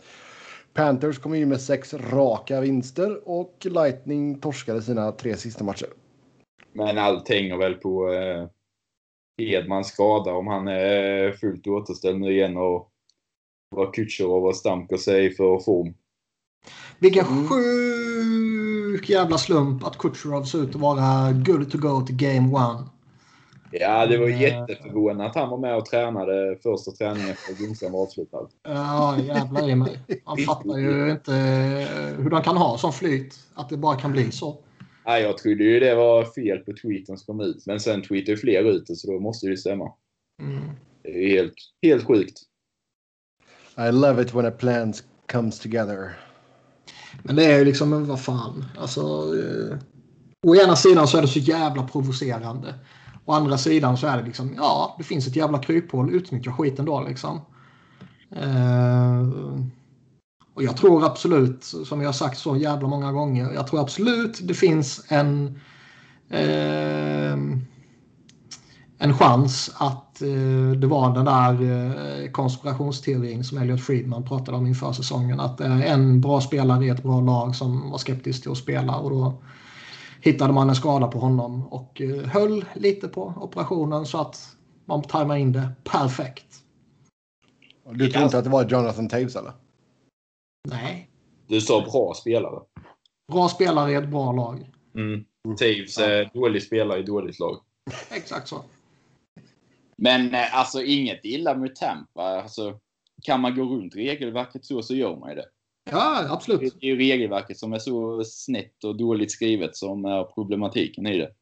Ja, Det, det är ju bara att man är eh, finurlig och eh, alltså, lösningsorienterad i den situationen man ligger i. Och det är sen ju bara alltså, bra gjort av Tampa. Sen att det är finspel är en annan grej. Men de eh, följer ju reglerna. NHL har ju granskat det och säger att allting är fair och eh, givetvis är det så att vi alltid litar på allting som NHL säger och gör. Har vi fått eh, något besked om vem som kommer starta i mål för eh, Florida? Alex Killorn. Nej, men alltså, du kan ju göra ett case för att det borde vara Chris Ja, sa du. Florida? Ja. Benson Knight. Eh, Då var ju Alex Killorn-skämtet eh, inte lika roligt. Nej. Återigen, det jag bara, jag bara ignorerar vad du säger. Fan, jag tyckte jag var så jävla briljant där. Sen bara kraschade jag. Ska han ha snöskoter med sig då eller? Eller vattenskoter, vad fan det var. Snöskoter i Tampa har man inte jätteofta tror jag. Vattenskoter då. Du kan köra snöskoter på vatten om du kör riktigt fort. Jo, i och för sig. Nej men det, ja. De går väl med Bobrovski är väl det rimliga. Men eh, både Drigo och eh, Knight har väl varit minst lika bra. Sen Knight är väl långsökt att man går med men eh, Ja, det tror jag inte. roligt att se. Men det är ju... Ja, vilken... eh, Vilken sits man har satt sig i. Ja, Du har sex år kvar med, är det fem eller sex år kvar på 10 miljoner med Bob. Och redan nu har Knight kommit in. mm, Ja, du har fem, fem år kvar efter denna säsongen. Ja, På Det är tio ju... mil. Men de tog in Bob för att gå till slutspel. Nu är man där. Det ska vara mycket till att det inte är han som startar ändå. Mm. Nej, Jag har, har någon av er koll på hur det gick internmötena mellan dem under grundserien? Florida vann väl de två Ja, men det har jag i huvudet givetvis. Ja, nej, men jag tänkte att du kanske hade gjort lite, lite förarbete här och liksom tagit med det varje här. Absolut men- inte. En Borde ju stått med i eh, körschemat i och för sig. De möttes ju två sista. Mm. Och då vann Florida båda. En snabb scrollning. Eh, Det är inte snabbt om du inte är klar med den ännu. 5-3 tror jag till Florida. Ja, det stämmer. Mhm, mhm. Så 4-2 i matcher till Florida då borde det bli. Eh, dock känns ju de här två sista matcherna. Jag vet även om det var, det var väl någonting som stod på spel sådär liksom. Så, Hemmaplan. Ja, de känns inte riktigt representativa ändå liksom. För Tampa alltså. Eh, Nej, men jag, alltså, jag tycker Florida gör en jävla säsong. Jag tycker Quenville har fått igång laget på ett riktigt bra sätt här nu. Ehm, sen är det klart att Tampa som regerande mästare kanske fortfarande är favoriter. Men... ehm, ge, ge mig sju matcher. Ge mig 4-3 till eh, Tampa. Men det... Alltså Florida har ju ändå många matchvinnartyper som man fått in nu. Alltså, mycket unga som skulle kunna explodera i ett slutspel med Denisenko och eh, Tippet och liknande. Det är en läskig motståndare. Spetsen är väl nästan lika bra i Florida. Jag tar ju och Barkov lika gärna som Kutjerov Stamkos nästan. Eh, brutalt chockad över att Sam Bennett har gjort 15 poäng på 10 matcher i Florida. Mm. That's the power of Barkov. Ja, men han har ju lärt sig göra chins nu så det är därför.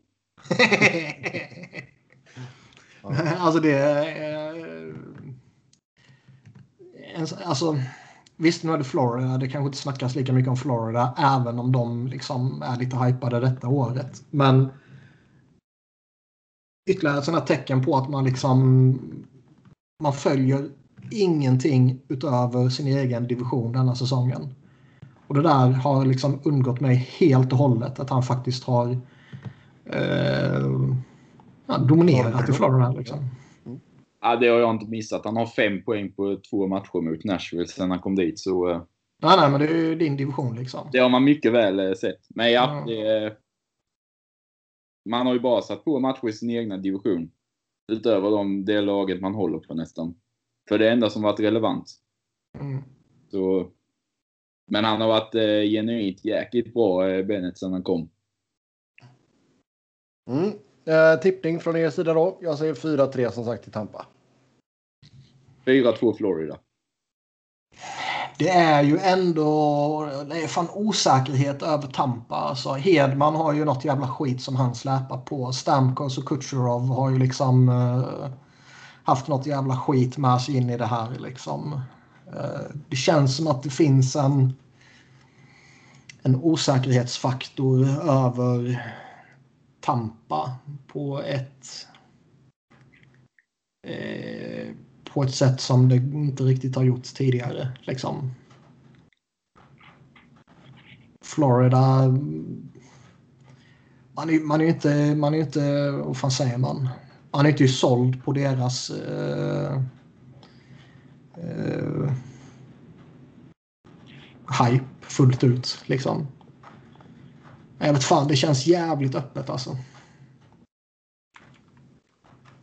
Jag säger 4-3 Tampa tror jag. Ja, då tar vi la och eh, går över till Mass Mutual East. Först ut där då så har vi ettan Pittsburgh mot fyran New York Islanders.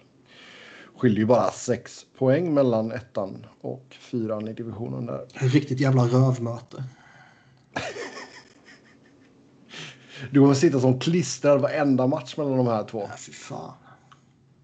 Men är Tom Wilson mot Brad Marchand bättre i den andra serien då? Nej. Eh, alla i den här jävla divisionen är ju bara skit. Inklusive Flyers.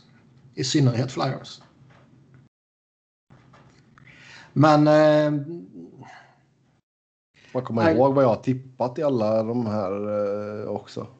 Vill man gå in och läsa så kan man gå in på nhl.com eh, slash sb. eh, nej. Jo. Ge mig Eh, klicks. Ge mig klicks. Ja. Nej men alltså den här är ju...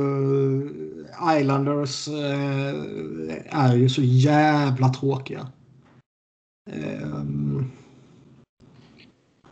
Ja, fast jag Man- tror Islanders kommer att tråka ut Pittsburgh.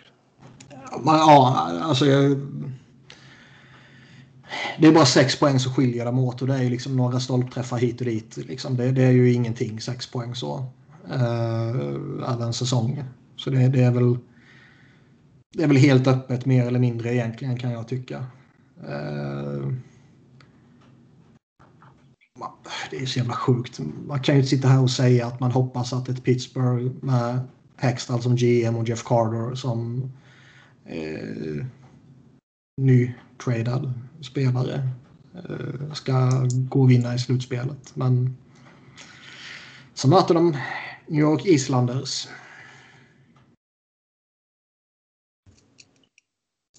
Jag vet, Jo, bara, jag, jag, jag vet alltså- bara att jag inte kommer titta mycket på den här matchen.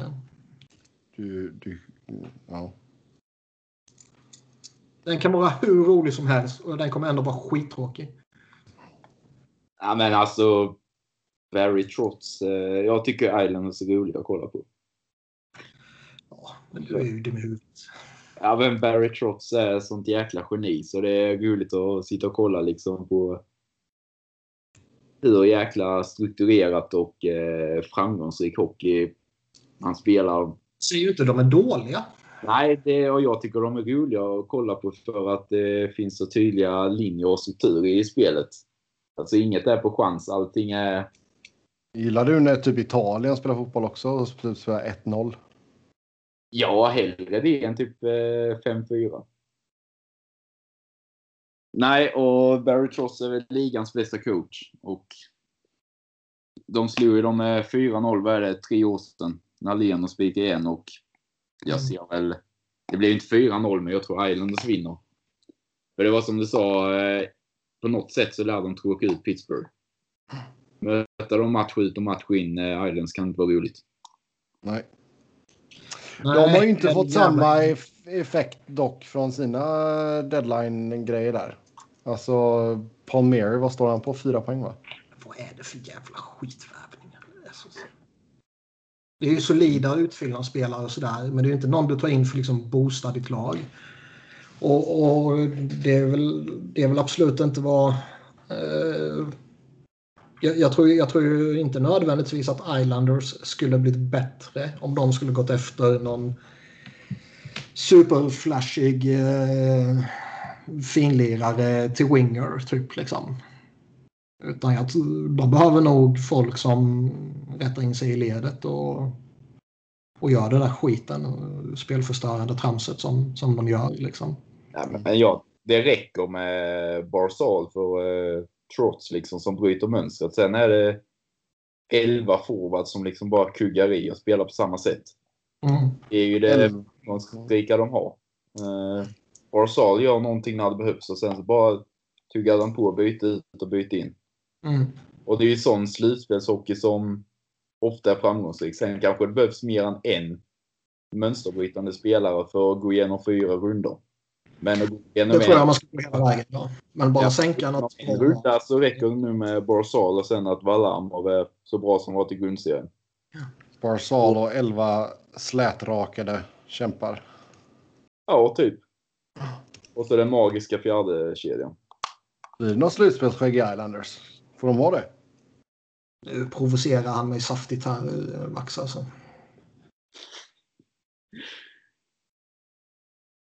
Mm. Ja, Nej, men alltså det här... Nej, det kommer bli så tråkigt. 4-2 i matcher till eh, Islanders. 4-1 Islanders. Eh, 4-2 Pittsburgh. Men Ja. hur är det med Malkin? Är han fullt återställd eller vad? Det är väl en ganska viktig injektion om man är det. Alltså det där är en intressant grej för övrigt. För det, det har varit mycket snack i, inför, eh, eller kanske framförallt under säsongsinledningen, eh, kring Malkin. Det här att när han var hemma i Ryssland så han kunde inte träna ordentligt, gymmen var igenbommade och lite sådana här grejer. Och, eh, Flyers sa ju samma saker om eh, sina kanadensare som hade stuckit hem till Kanada. För där hade ju restriktionerna varit eh, stenhårda. Man kunde liksom inte eh, sticka till en ishall och åka skridskor. Man kunde inte gå till ett gym och så här liksom. Så de kunde inte träna ordentligt och kom inte fullt förberedda. Och det är ju helt sjukt hur man inte bara kan hitta på egna träningar kan jag tycka då liksom. Eh, du behöver inte gå till ett gym för att styrketräna till exempel. Ehm, men man har ändå hört det på, på några ställen nu sådär att det, att det var en faktor för spelare. Jag kan ju tycka att det då indikerar på att man eh, kanske inte är tillräckligt professionell och kanske inte anstränger sig tillräckligt mycket. Men eh, det kan ju även vara en faktor som gör att man eh, man kommer in lite snett och när man får kämpa sig tillbaka så eh, ja, blir det en utmaning som man liksom inte riktigt kan komma tillbaka från eh, under en lång och slitsam säsong. Vad är det där helkroppsgymmet de försöker sälja på TV-shop? Bowflex. Jag har inte tittat på TV-shop på 25 år Sebbe. Nej, men jag, det var en sån här back in the day. Så det måste, jag tror det var Bowflex. Vad fan är TV-shop för något? Ja, Just det, vi har en jävla pojk med oss. Vadå, du vet inte vad TV-shop är? Nej. Nej, på allvar. Nej, seriöst. Ingen aning. Okej, så när det inte gick tv-program på tv så eh, körde man tv-shop ibland. Sen fick väl de en helt egen kanal va, Niklas? Fick de inte det? att- Men då får jag nog tänka dig liksom, om det var typ kanal 5 eller om det var TV3 eller vad, vad fan det var. Liksom. Du vet en, en förmiddag, en eftermiddag så där helt plötsligt så bara är det två timmars TV-shop där de försöker kränga massa jävla skit istället för att köra massa repriser på eh, Lyxfällan eller vad fan de kör nu. Fy fan. Those were the times. Oh ja. Tur man inte satt i Jo. karantän på den tiden. Ja, jävlar vad mycket skit man har köpt på sig då. Ja, men det är sådär klassiskt liksom. Ah, for uh, five payments of 99.99. Det måste ju fortfarande vara en jättegrej i USA. Ja, du har ju Home Shopping Network. Så ja, så är det med det i alla fall. Sen har vi Washington mot Boston. Ovechkin säger att han är helt... Ovechkin säger att han är helt frisk nu. Mm. Man är ju inte helt såld på, på Caps avslutning här. Det känns som att det är... Eh, eh, även om det kanske... Vad heter det? Det, det, det, det finns saker som oroar om man ska säga så. Liksom. Mm. Hela skiten med Kuznetsov och det har varit lite med Samsonov och Ovechkin har haft sina skadeproblem här. Liksom, och... De är ju på covid-listan båda två. Ja. Och man är, ja, det känns som att det är liksom... Det är lite oro. John Carlson var det något jävla skit med också, har jag för mig. Mm. Eh, det känns som att de går in i, i slutspelet med ja, lite sådana här småskakiga kanske.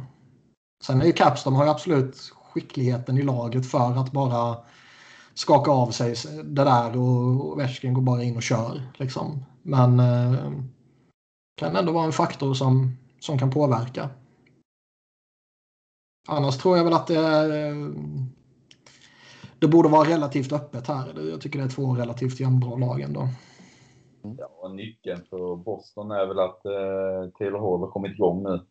Mm. Ja, jäklar. Eh, för Krejci, Hall och Smith, de har ju levererat i samma tempo som eh, eh, Marchand, Bergeron och Pasternak nu senaste matcherna. Så nu är det inte bara en eh, kedja du behöver matcha mot när du möter Boston. Och det är väl en eh, nyckel för dem att kunna gå förbi denna rundan.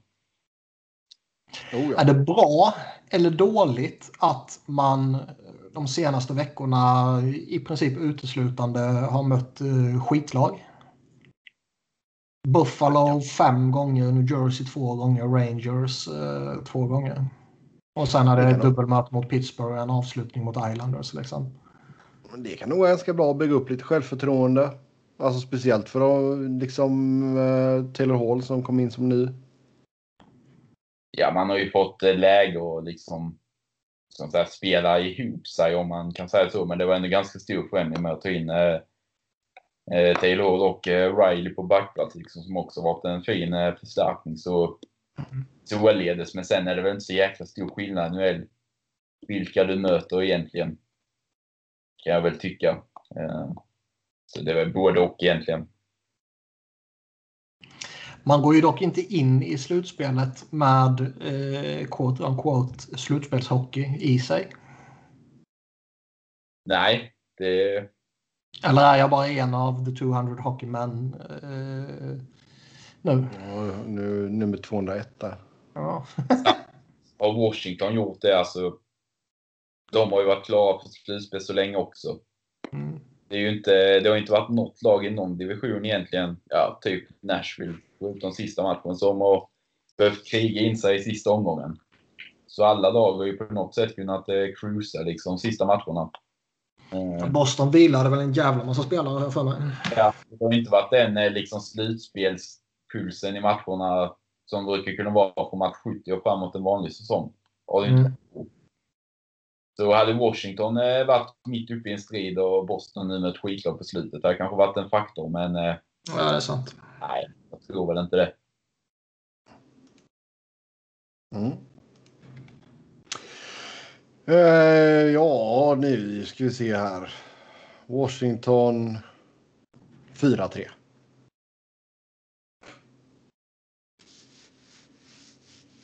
Boston 4 1.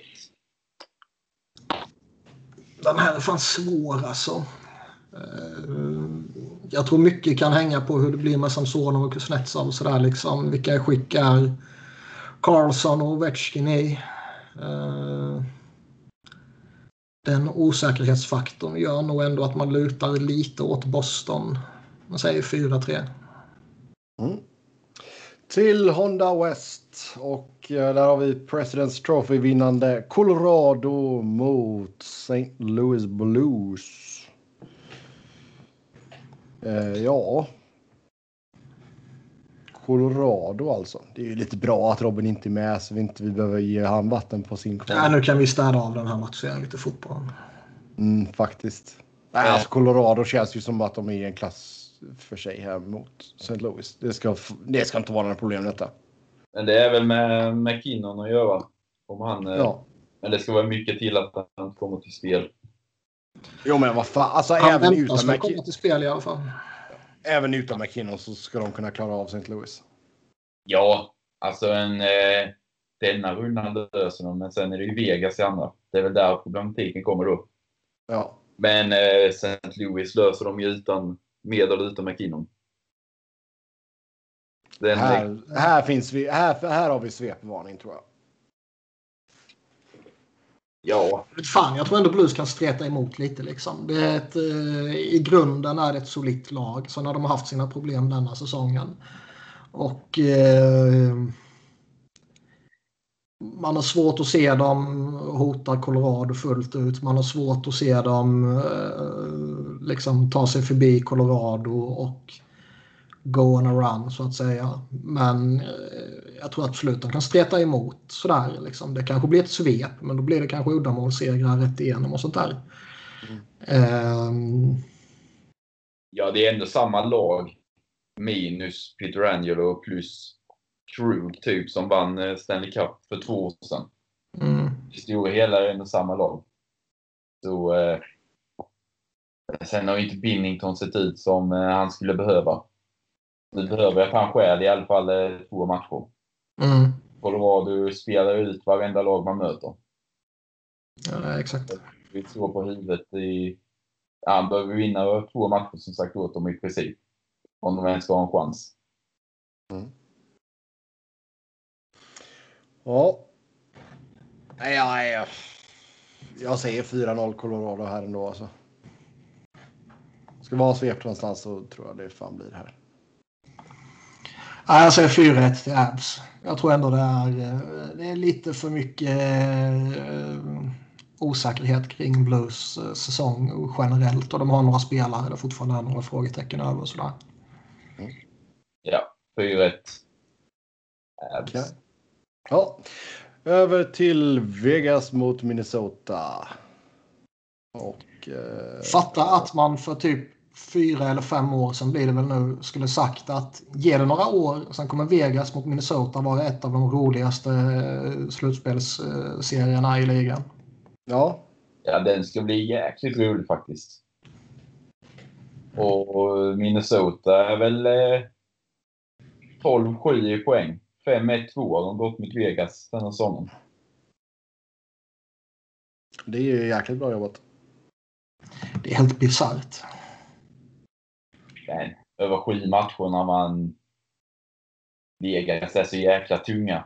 Det Ja, jag tänkte säga det. De, är- de bör ju vara lite för tunga för dem. ja, de har både tyngd och de har spets liksom. Och deras backsida som man tyckt varit en akilleshäl innan är ju svinstark nu. Ja. Nu kan du nu kan Nu de du fullt lag också. Ja. Ja, exakt. Vad hade de? 10 forwards en match eller vad det var? ja, 15 spelare. Ja, 10 forwards och 5 backar. Det är alltså, de, de, de får ju till 100% skylla sig själva eftersom de, eh, de går efter Peter Angelo och så sätter de sig så hårt mot kappen. Liksom. Och sen visst det är lite oflytt med någon skada och någon avstängning men det har ju ändå varit flera gånger under säsongen där de har fått spela underbemannade. Och det är så jävla sjukt eh, att man hamnar i ett sånt läge. De, jag tycker fortfarande att man borde liksom ha haft större eh, större möjligheter att liksom åtgärda sånt där denna specifika säsongen. Ja, och det kanske kan bita dem lite i I röven. Att de liksom, eh, det är ju inte att de har vilat Stone och Pacioretty heller. Och liknande. Det har hela tiden varit att de strykit dem eh, längre ner i line-upen. Så eh, de har ändå fått spela 22-23 minuter och liksom toppspelarna i matcher där de kanske ska spela 15 i vanliga fall får man ändå klara för slutspel. Mm. Och det är ju väldigt komprimerat spelschema har det varit under grundserien och slutspelet är ju varannan dag. Det är väl vanligt ungefär men säg en andra tredje runda så kan du få tillbaka det ganska rejält. Absolut. Ja, det här blir intressant. Är Det är kul att se. Står eller? Vad sa du? Är det Fleury som står? Det lutar väl nästan åt det. Ingen aning faktiskt. Jag har inte sett något om det. Han har väl varit genomgående bättre i grundserien i alla fall. Mm.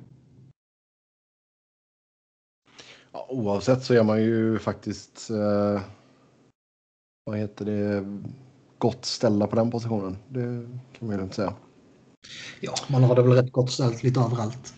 Ja, men eh, det är fortfarande så bisarrt att Minnesota som har ett jävla mellanmjölk. eh, De bara petar in Kaprizov och helt plötsligt så är man skitroliga hela laget. Liksom. Mm. Jag vet fortfarande inte vad deras coach heter. Jag bryr mig inte ett skit vad han heter. Eh, det är så jävla orimligt på alla sätt och vis. Dean Everson. Ja. Och de har liksom... De, son. Ja. de har inga centrar liksom. Vad fan är det här? De ska inte kunna vara bra. Men Viktor Rask är ändå en legitim första center. ja. Det det är ju ganska intressant för Vegas svaghet är ju centerpositionen. mm. Säg att eh, Minnesota haft en eh, riktigt jäkla bra första center. Mm. Då, eh, nu slipper ju Vegas den problematiken i denna serien i alla fall. Ja. Det är där det är alltså, där. Carlson och eh, Chandler Stevenson är ju OK spelare, men det är ju inga första centra i den bemärkelsen ändå. Nej. Ja. Ehm, hmm. Nej, ge mig 4-2 till Vegas. 4-0. Nej, säger 4-1. Uh, Wild måste fan ner på jorden. Ja, då har vi kommit fram till Scotia North Division. Och eh, där har vi ettan Toronto mot fyran Montreal. Montreal. Och det första gången sedan 70-talet har jag för mig jag läste dem möts i slutspelet. Wow, wow, wow. Det är ändå anmärkningsvärt. Mm. Det var väl någon sån annan, annan skön sån här cherry pick stat också att när de har mötts i en slutspelsserie så har vinnaren gått och vunnit Stanley Cup också. Mm. uh, Men visst, det grundade sig väl på uh, liksom hela vägen in i begynnelsen när det bara Ja. fanns två lag som kunde vinna och de möttes hela tiden. Typ. Uh, så visst. Nej, men alltså Toronto är laget att slå här såklart. De uh, toppade ju North mer eller mindre under hela grundserien. Det var väl typ så här ti- tio dagar de inte låg etta. Toronto är en klass för sig i den här divisionen. Bör kunna städa av Montreal såvida inte Carey Price står på huvudet. Ja, det är ändå en läskig... Alltså, Montreal är ju inte läskig i sig, men eh, Price är ju läskig i en matchserie. Mm. Det, han kan ju vinna matchserien mot Montreal på egen hand. Man såg ju lite förra säsongen hur, eh, hur Montreal i grunden var, var ett rätt bra lag. Men eh, Carey Price eh, sket ner sig och var eh, inte alls bra. Och sen så eh, när de kom in i slutspelsbubblan så hittade han plötsligt formen och då blev de en jävla motståndare för Flyers. Mm. Slut Pittsburgh till exempel. Ja. Eh, så kan Price bara leva upp till, till sin lönecheck och till sitt rykte. Liksom. Så eh, då kan han ju stjäla en matchserie mot i princip vilket lag som helst egentligen. Ja. ja, för det känns ändå som att. Jag menar, titta på spetsen som Toronto har offensivt kontra Montreal. Liksom, det är ju stor klasskillnad där. Ja, det blir intressant att se om eh, Thornton och Spetsa har ett, en till växel att lägga i nu. Mm. Det är väl kanske sista slutspelet för båda två. Och det finns ju ändå ordentlig chans att gå långt denna säsongen. Oh ja. Toronto har aldrig haft eh, så här bra förutsättningar i modern tid. Ja, 4-1 med 10 minuter kvar mot Boston. Ja, men jag menar att gå hela vägen. Ja, Det är sant. Det är mycket sant. Um... Nej, alltså, när, och när det kommer till Toronto, alltså Matthews har ju pissat in mål. Mm. Och sen har du ju Marner och Nylander och Tavares som har gått och blivit en jäkligt bra tvåvägscenter. Så... Ja, eh, jag kommer väl inte bestrida att de är duktiga. Nej, nej, men jag tycker alltså att liksom det ska ändå kunna väga över även ifall Price kanske hittar någon slags formtopp. sen gör väl eh, Caulfield typ fyra mål. Ja, men han är ju jäkligt bra alltså. Ja. Men det ska väl inte vara något problem för Toronto ändå så länge enda fördelen Montreal har är om Price är storspelare.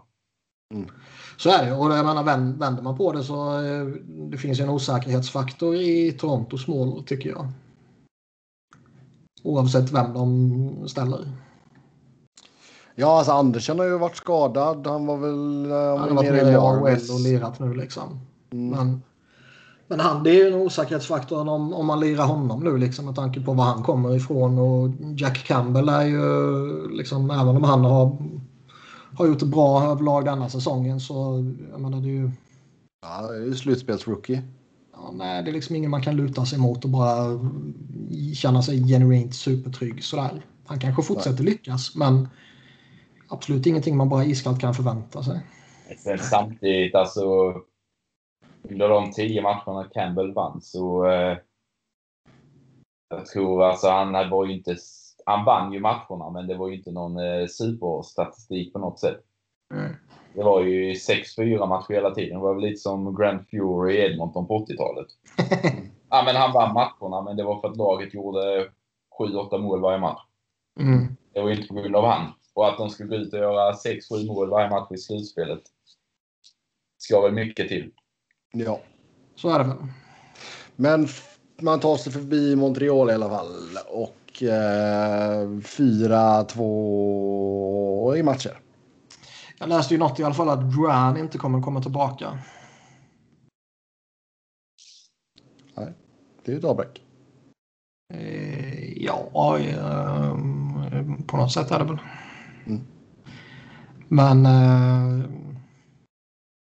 jag, jag tror eh, Montreal kommer ju ta någon match här och där sådär eh, tveklöst. Eh, Varför jag säger 4-2. ja, och jag får, men jag får väl också säga vad jag tycker.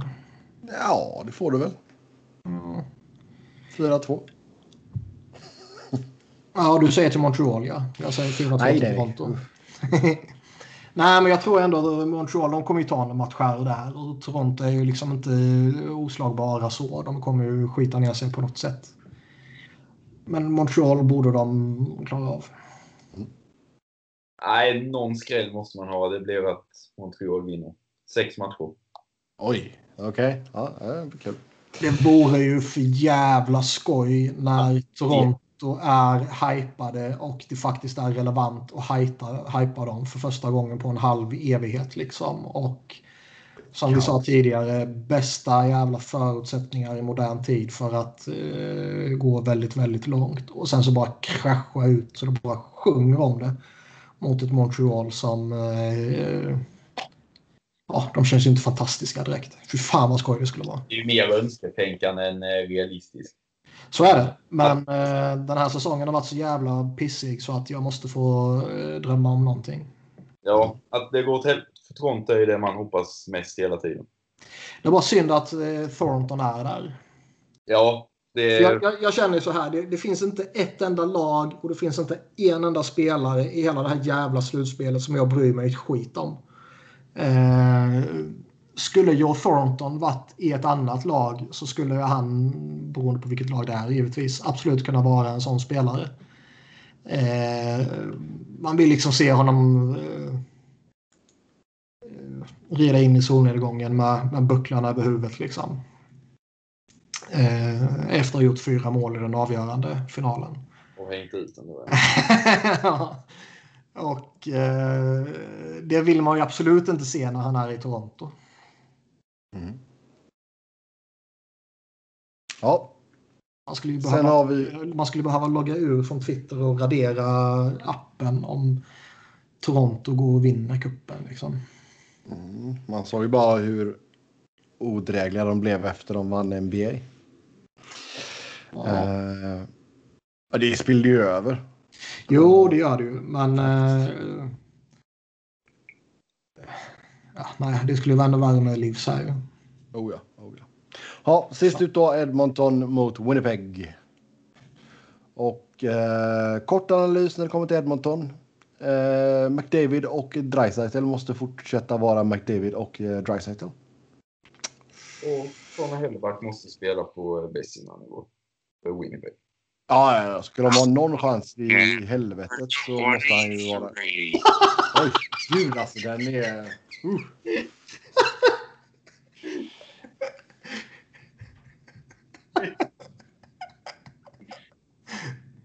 Det är fantastiskt. Jag undrar hur den funktionen bara får för sig att starta också. Så här. Nej, jag har ingen aning. Den är ju livsfarlig för fan. Ja. Och så den svengelskan, klockan R. Ja. Nej, fint. Ja. Eh, men som sagt, alltså det, jag vet inte hur djupt vill vi, vill vi gå in på detta. Alltså, det känns ju som att det är ganska självbeskrivet här. Liksom. Edmonton är ju det mest eh, lättanalyserade laget. Det är ju bara det är de två och sen är det ingenting. Liksom.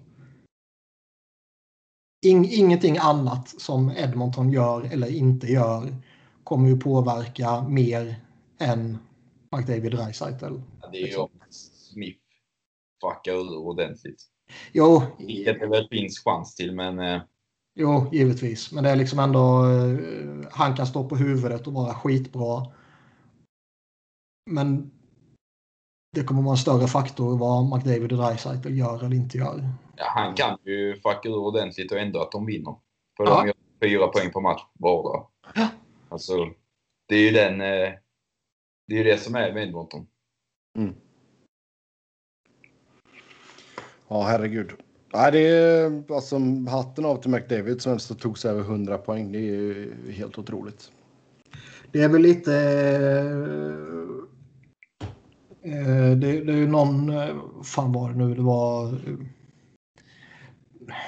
Vad fan heter det? Nu tappar jag ordet. Men på, på något sätt har han gjort det bättre än Gretzky. Liksom. Okej. Ja, ja. Eh, Wow. era, era adjusted och bla bla bla. Vad fan det var. Jag kommer inte ihåg exakt hur det var. Men eh, de har hittat någon, eh, någon kategori där han överträffar Gretzkys eh, bästa notering. Det är ju inte så jävla dåligt. Verkligen inte. Det är väl också den här faktorn liksom att även om han inte skulle gjort eh, ett enda mål så skulle han ändå vunnit poängligan. Ja, tvåa. Tvåa. Ja. Dreisaitl hade vunnit det. Ja. Men skulle inte McDavid gjort mål så skulle Dreisaitl nog tappat några poäng. Det är sant. Nej, ja. Lite Ja. Jeremy Roenick över den. Ja. Vad vill vi säga om Winnipeg förutom Connor Helleback? Det, det finns ju matchvinnartyper på forwardssidan och nu har man ju bra centerljud med. Eh, Men allt hänger väl i mångt och mycket på Helleback. Kommer Det är också, ja, och titta på det försvaret och se dem gå upp mot McDavid och Dreisaitl. Det kommer alltså... Mm. Ah. Jag tror absolut det, det skulle mycket väl kunna bli en... eh, Svep. nej, inte svep så. Jag tänkte snarare säga att det kan gå hur fan som helst. Liksom. Att eh, McDavid, Dreisaitl, de kommer göra liksom, sina tre poäng per match och de kommer driva utav helvete. Och eh, Mike Smith kommer klappa igenom och eh, Winnipeg har ändå jävla mycket offensiv kraft liksom. Och eh, nej, det skulle vara skoj om vi får någon sån där 8-7 match. Liksom. Det kan ju bli jävligt roligt att kolla på. Eh, Men Winnipegs backsida är ju bättre än vad, på isen än vad den är på pappret. jo, så är det ju. Men ändå. Pionk och eh, Nico och Morrissey och Demelo, det är ändå OK backar. Absolut, men jag menar tittar jag på eh, den backbesättningen på pappret och sen tittar på eh, vilka två jävla spelare det är jag ska gå upp mot så skulle jag ju vilja ha något ännu lite bättre på pappret. Ja, det Ha- Hashtag expertanalys. Ja. Yes, tippa sista serien här då. 4-2 Edmonton. Ah, fan, eh, här får väl jag dra min lilla miniskräll även om det kanske inte är någon skräll. Men jag säger 4-3 Winnipeg. Mm, Jag håller med Max där. 4-2 Edmonton. Så det var det i alla fall. Nu när man ska bänka sig framför de här matcherna eh, och i och med att Max är superexpert på att sitta upp och kolla matcher. Vad är dina rekommendationer här? Ska man sova innan match? Vad ska man ha för... Eller vi kan börja med det. Ska man sova innan match? Alltid sova minst tre timmar innan. Alltid sova. Så pre-game nap. Sätt klockan. Sen... klockan ska sättas på 30 minuter innan match. Mm. Gärna ta en dusch. Gärna lura kroppen att det är morgon och göra lite kaffe och en macka. Som att du ska till jobbet. Och då brukar du pigna till efter en kvart, 20 minuter. Då börjar matchen. Och då blir du pigg av det. Så du ska lura kroppen att det är morgon och du ska till jobbet. Okej. Så det är inte så att du laddar med en påse chips eller någonting? Eh, nej. Eh, ofta blir det ju kaffe i första perioden. Sen blir det pasta carbonara i eh, första periodpausen. Okej. Det tar exakt eh, 17 minuter att göra. Max tweetar ut sitt recept till mig. Men då är det Lägga det, lägga den pressen på det också. Men då är det viktigt att du går i sista powerbreaket och sätter på eh, vattnet så det hinner kuka upp. Ja, det är bra. Då har du inte slösat bort alla powerbreaks. Nej, exakt. Ja. Ett, två minuter av eh, 18 per match kommer till användning. Ja. Niklas känns ju som en kille som kan gilla chips. Eh, precis Jag- jag precis litar- som mig själv. Litar inte på människor som inte gillar chips. Men du går Så- inte och lägger dig innan Niklas? Eller? Vad sa du? Du går aldrig och lägger dig innan? Nej. Flyers Det, är dock en, alltså det, sånt där är ju så jävla beroende på vilka, vilka förutsättningar man har. Liksom. Jag har ett jobb där jag jobbar till 24. Liksom. Och, ofta. sen börjar matcherna som jag tittar på vid klockan ett. Då går ju inte jag och, och sover en timme där. Liksom. Och även om jag inte jobbar just den kvällen liksom, så är det inte direkt så att jag kan somna vid 22. Nej. Skulle, skulle man däremot supportat något lag som spelar vid fyra liksom, på västkusten, då skulle man inte sitta uppe. Liksom. Då, Ja, det är ju de...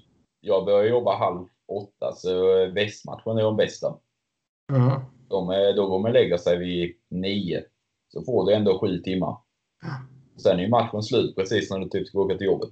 Nej, men då är det ju guld om man har ett sånt jobb och man har liksom möjligheten att eh, ändå somna så pass tidigt och, och bara gå upp eh, två timmar tidigare än vad man kanske gör i normala fall. Sen att du nyttjar lunchrasten på jobbet till att sova och sen är knappt en människa på eftermiddagen är en annan sak. Men, eh.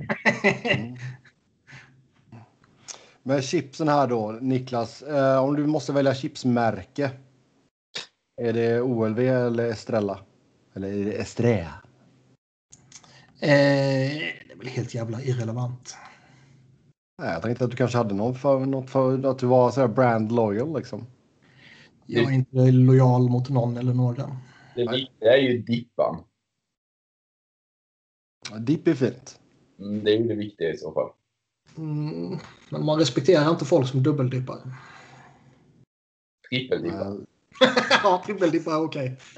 Inte ta, hur jäkla små tuggor tar du då om du ska dubbeldippa ett chip liksom? Ja, nej. Eh, fast dipp kan, det pallar man inte ha varenda jävla gång. Nej, Alltså framförallt så, så då vill jag ju gärna gå med någon ganska neutral chipsmak. Alltså gärna typ så här vickningschips eller vad fan det nu heter. Ehm, Antingen det eller så måste ju dippen och smaken synka. ja, Sour cream dip med sour cream chips. ah, men det är ju kaka på kaka Ja, å ena sidan känns det lite meningslöst, å andra sidan så är det Ja. rätt gött med dipp. faktiskt. Jag inne och kollar lite på Estrellas eh, och OLV. Vi är inte diskriminerande här. Så Jo, Ni ska, bara få, ni ska bara få säga snabbt ja eller nej till de här chipssmakerna. Halloumi och en gnutta chili. nej. Vitlök, gräslök och chili. nej. Den skulle jag Känn- kunna tänka mig smaka. Okej. Ja, det är en nyhet tydligen. Vilken var Eh, det? från, ja, detta är Estrella. Eh, vitlök, gräslök och chili. Eh, sen har vi cheddar och sour cream. Japp. Ja. Crispy bacon och sou- sour cream. Mm. Nej. Triple onions, tomato and cheese. Nej. Den, låt, den, den måste jag fan prova när jag kommer på Sverigebesök. Jag tror jag har köpt den. Faktiskt. Eh, mixed chilis och sour cream. Den låter fin. Ja. Faktiskt. Men Det var några från, från Estrella där. det är ju mycket bättre. Vad sa du? Ostbågar är ju mycket bättre. Ostbågar är ju. Bra och då köper du ju sådana små påsar. Och då så, om Nashville spelar natten mot tisdag, så öppnar jag den påsen när matchen är slut och äter den matchen till på torsdag. Ja, de får gå- gotta till sig lite alltså. Äter ju till tisdagen så att de hinner bli så sega och krispiga. Mm. Jag litar inte på folk som kan lämna eh, en chipspåse eller ostbågepåse öppen i flera dagar utan att äta. Ja.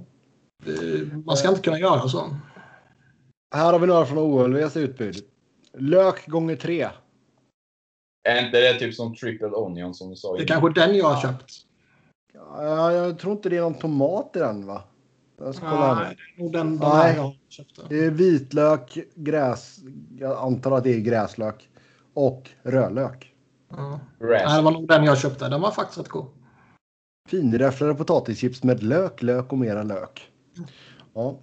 Eh, syrlig rödlök. Nej. Lagrad parmesan. Det låter jävla suspekt. Ja. Chilibea. Den är bra. Är det det? Det, låter ju jävligt gött alltså. Chilibea låter jävligt fint. Sen finns det en cheddar royal och sour cream. Ja. Den låter väl helt okej också faktiskt. Smör och havssalt. Smör och havssalt. Det låter... eh, Alltså det hade väl kunnat funka. Alltså det kör du ju på färskpotatis. Liksom. Men var det inte det smöret som Bregott försökte lansera för några år sedan? Var det inte Det, havssalt?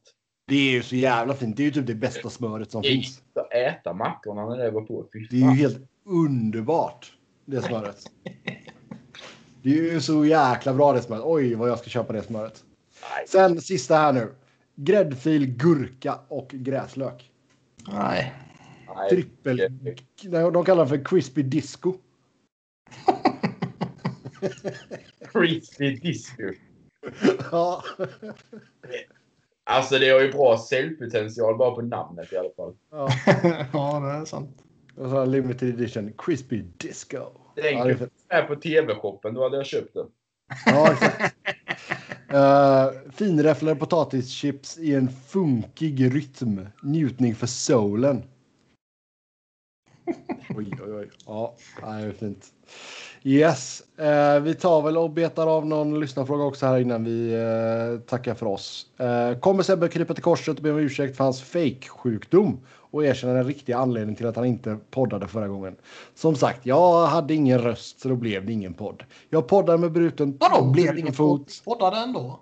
Ja, men för mig, för min del. Ja. Jag poddar med bruten fot, jag poddar inte utan röst. Så enkelt är det med det. Ja, det är... Och man kan även podda utan revben. Det har vi slått fast. Eh, sen, vi tog väl den här för någon vecka sedan bara. Men kan ni utse awardsvinnare nu? Man glömmer så lätt grundserien efter slutspelet.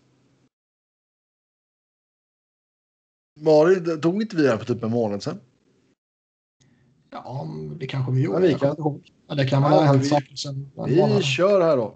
Hart Trophy. Går den till någon annan än McDavid så är det ju galet. Eller?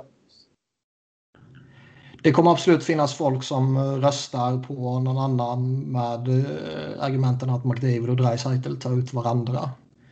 Det finns absolut någon eh, Toronto-jävel som vill hypa upp Austin Matthews. Eh, men ja, fan, man kan inte se någon annan än McDavid. Den enda som kunde utmanat var väl eh, om Kane hade tagit Chicago till slutspel och åkt upp för sitt poängsnitt som han hade första 40 matcherna.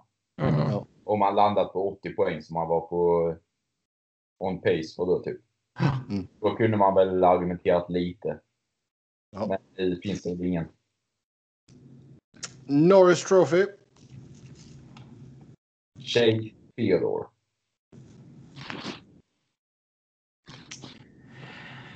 Ehm. Den är Ja, intressant det bra. ändå. Tyson Barry liksom eh, vinner poängligan och det brukar kunna vara en någon hygglig indikation på att man liksom kommer ligga bra till. Men fan vet om han kommer göra det alltså. Ja, McCarr är väl typ en poäng bakom och har spelat 10 matcher mindre. Fyra Ja. poäng bakom. Men Ja, visst, fyra. tio matcher mindre. Absolut. Ehm, Adam Fox har ju varit genuint skitbra men han kanske eh, sorteras bort med tanke på att Rangers inte går till slutspel. Bland, folk, bland folk som röstar. Hamilton. Ja, men han är ju för, han är för stor nörd. Ja, det är sant. Känns ändå som ett jävligt öppet. Hedman kommer få massvis med röster eftersom han är Hedman. Jan Karlsson eh, kan nog få eh, ett gäng röster också. Liksom. Den är fan svår den här tycker jag. Mm. Jag tycker inte det är orimligt om Fox får det. Jag tycker inte det är orimligt om McCarr får det. Men där kan man väl göra lite samma som eh, McDavid Dreisaitl att okej, okay, Gerard och Devon Toews är inte på samma nivå men eh, Nej, de är de, fortfarande jävligt bra. Alltså ja, de är ju extremt bra så de kanske snor lite röster av varandra ändå. Ja. Mm. Men det så känns ändå som att McCarr är så pass spexig så att. Ja. Ja, jag säger Kim McCarr. Uh, Vesna. Säg inte Jussi Saros nu. Ja men alltså. Okej. Okay, Nej. Ja men alltså seriöst. Eh, så är inte det orimligt och inte oförtjänt. Han kommer säkert ligga eh, bland dem i, i toppskiktet. Jag tror eh, Flurry kommer ligga där. Jag tror Vasilevski kommer ligga där. Varlamov är med också. Ja, skulle inte förvåna mig om Flurry vinner eftersom han verkar vara uh, väldigt likable bland väldigt ja, många. Exakt. Ja, ja ge mig Flurry. Skulle inte Max varit med skulle jag kunnat sagt Saros, men det har jag inte nu. Ja, det är bra. Ja, men seriöst. Det är... Fan vad bra han är. Uh, vi kan ta Calder också. Ja, allt annat än Kaprizov är ju konstigt. Kaprizov, ja. Japp. Uh, orkar vi med Jack Adams? Ja, det kan vi göra. Vi tar Jack Adams också, sen så räcker det. Jack Adams. Eh, Gene Everson. Jag tänkte säga, jag kan inte säga det för jag vet inte vad han heter. ja, men han kan nog fan ligga bra till alltså. Coach Q ligger väl med bra till. Mm. Coach Q ligger bra till. Den här namnlösa jävlen ligger bra till. Eh, Brendan Moore, Moore ligger nog bra till. Men sen är det ju faktiskt typ eh, de som tränar typ eh, som håller ett lag i toppen säsong ut och säsong in. Alltså som ska vinna det egentligen. Det är ju de som är de bästa coacherna. Så är det ju. Men eh, Bednar kommer ju inte vinna för att Colorado är ständigt bra. Och typ John Cooper och sådana. Ja. Sen... det är ju den som gör som överträffar förväntningarna som vinner. Liksom. Ja. Men egentligen håller ditt lag i toppen. Det är ju ditt egna fel om man kan säga så att du inte kommer vinna den. För att du har gjort ditt lag för bra för tre år sedan. så det är ju ditt egna fel att du inte vinner. Du vinner titeln första året. Du gör ditt lag bra. Sen är du rökt i kommande säsonger. Ja, typ. exakt. Men, men. Det är fan, då, den tar man ju i så fall. Faktiskt. Uh, ska vi se här om vi har något. Vilket eller vilka lag tror ni kommer vara mest aktiva under sommaren? Seattle kommer vara mest aktivt. ja. Ingen högoddsare, men de har ju ändå en spelare nu. Ja. Det de. De signade sin första. De spelar som Vegas. Vad sa du? De behöver bara 14 till så kan de ju spela som Vegas ihop. Eh, jag tror Buffalo kommer vara jävligt aktiva. Det kommer hända grejer där. Som vi pratade om tidigare. Jag tror Philadelphia kommer vara eh, aktiva. Allting tyder ju på det och de stora säger att eh, det kan man nog förvänta sig. Och jag tror att Nashville är ju ryka nu direkt och jag tror att det kan hända grejer där. Mm. Um, Duchene, om han inte blir skyddad så ryker han i expansion kanske. Annars så ryker väl han eller Johansson på annat sätt. Och ja, det lär hända någonting i Nashville. Något kommer man trada någon av de fyra backarna? Eller kommer han gå fyra plus fyra? Jag var inställd eh, länge på att de skulle trada Ekholm och att mm. de skulle gå på 3-7 men eh, nu är ju tveksamt. Nu måste man ju nästan gå 4-4. Och då lämnar man ju ja, Duchene, eh, Järnkrok är väl det eller Johansson, eh, Järnkrok som är det mest intressanta man lämnar. Vilka skyddar du? Fyra forwards. Du skyddar Forsberg, Arvidsson. Forsberg, Arvidsson. Oh. Duchene skyddar nog ändå. Sen vet i fan vem den fjärde är jag skyddar. Det är ju inte mycket som jag vill ha kvar egentligen. Eh, Det blir väl kanske Johansson ändå, men man vill väl bli av med någon av deras kontrakt. Mm. Vill man bli av med någon av deras kontrakt så kan man ju eh, ändå tänka lite strategiskt och skydda typ liksom jag vet inte, Järnkrok och Luke Kunin eller Carlton Sissons eller något sånt Ja, där och exponera jag- både Johansson och Duchene. Men eh, Jag vill ju själv inte skydda typ Colton Sissons eller sånt, men det kan ju mycket väl hända för att eh, både Heinz och eh, Poyle är ju man crush deluxe på han. jag säger inte att jag vill skydda honom så, men om man ska tänka lite Ja. strategiskt att få Seattle att ta igenom Duchene eller Johansson och exponera båda de två och sen så liksom skydda andra spelare som man tror att Seattle kan vara intresserad av. Men eh, risken om man tar där är ju liksom att om, om du exponerar Johansson och Duchene och Seattle tar typ Johansson då kanske Duchene kommer vara jätteledsen. Sen alltså Järnkrok, hade det varit fyra år kvar på kontraktet hade jag skyddat han alla dagar i veckan. Mm. Men eh, nu kommer han ju skriva ett kontrakt som eh, jag inte vill ha att göra med. Mm. Han kör samma vet du. Han bara, ja, jag är van med detta. Eller ja, två gånger sex. Ja, han är van med detta. Nöjd och säker. Ja, med det så tar vi och tackar för oss för idag. Som vanligt kan ni snacka hockey med oss via Twitter. Mig hittar ni på @sebnoren, Niklas på Niklas Wiberg, Niklas med C, Wiberg med enkel V. Sen säger vi stort tack till Max för att han var med oss. Fint, fint besök. Max hittar ni på Max och sen två underscores. X, T, H, S. Det stämmer. Mm. Podden hittar ni på SV Fans NHL-podd, podd med ett D. Tills nästa gång, ha det gött. Hej!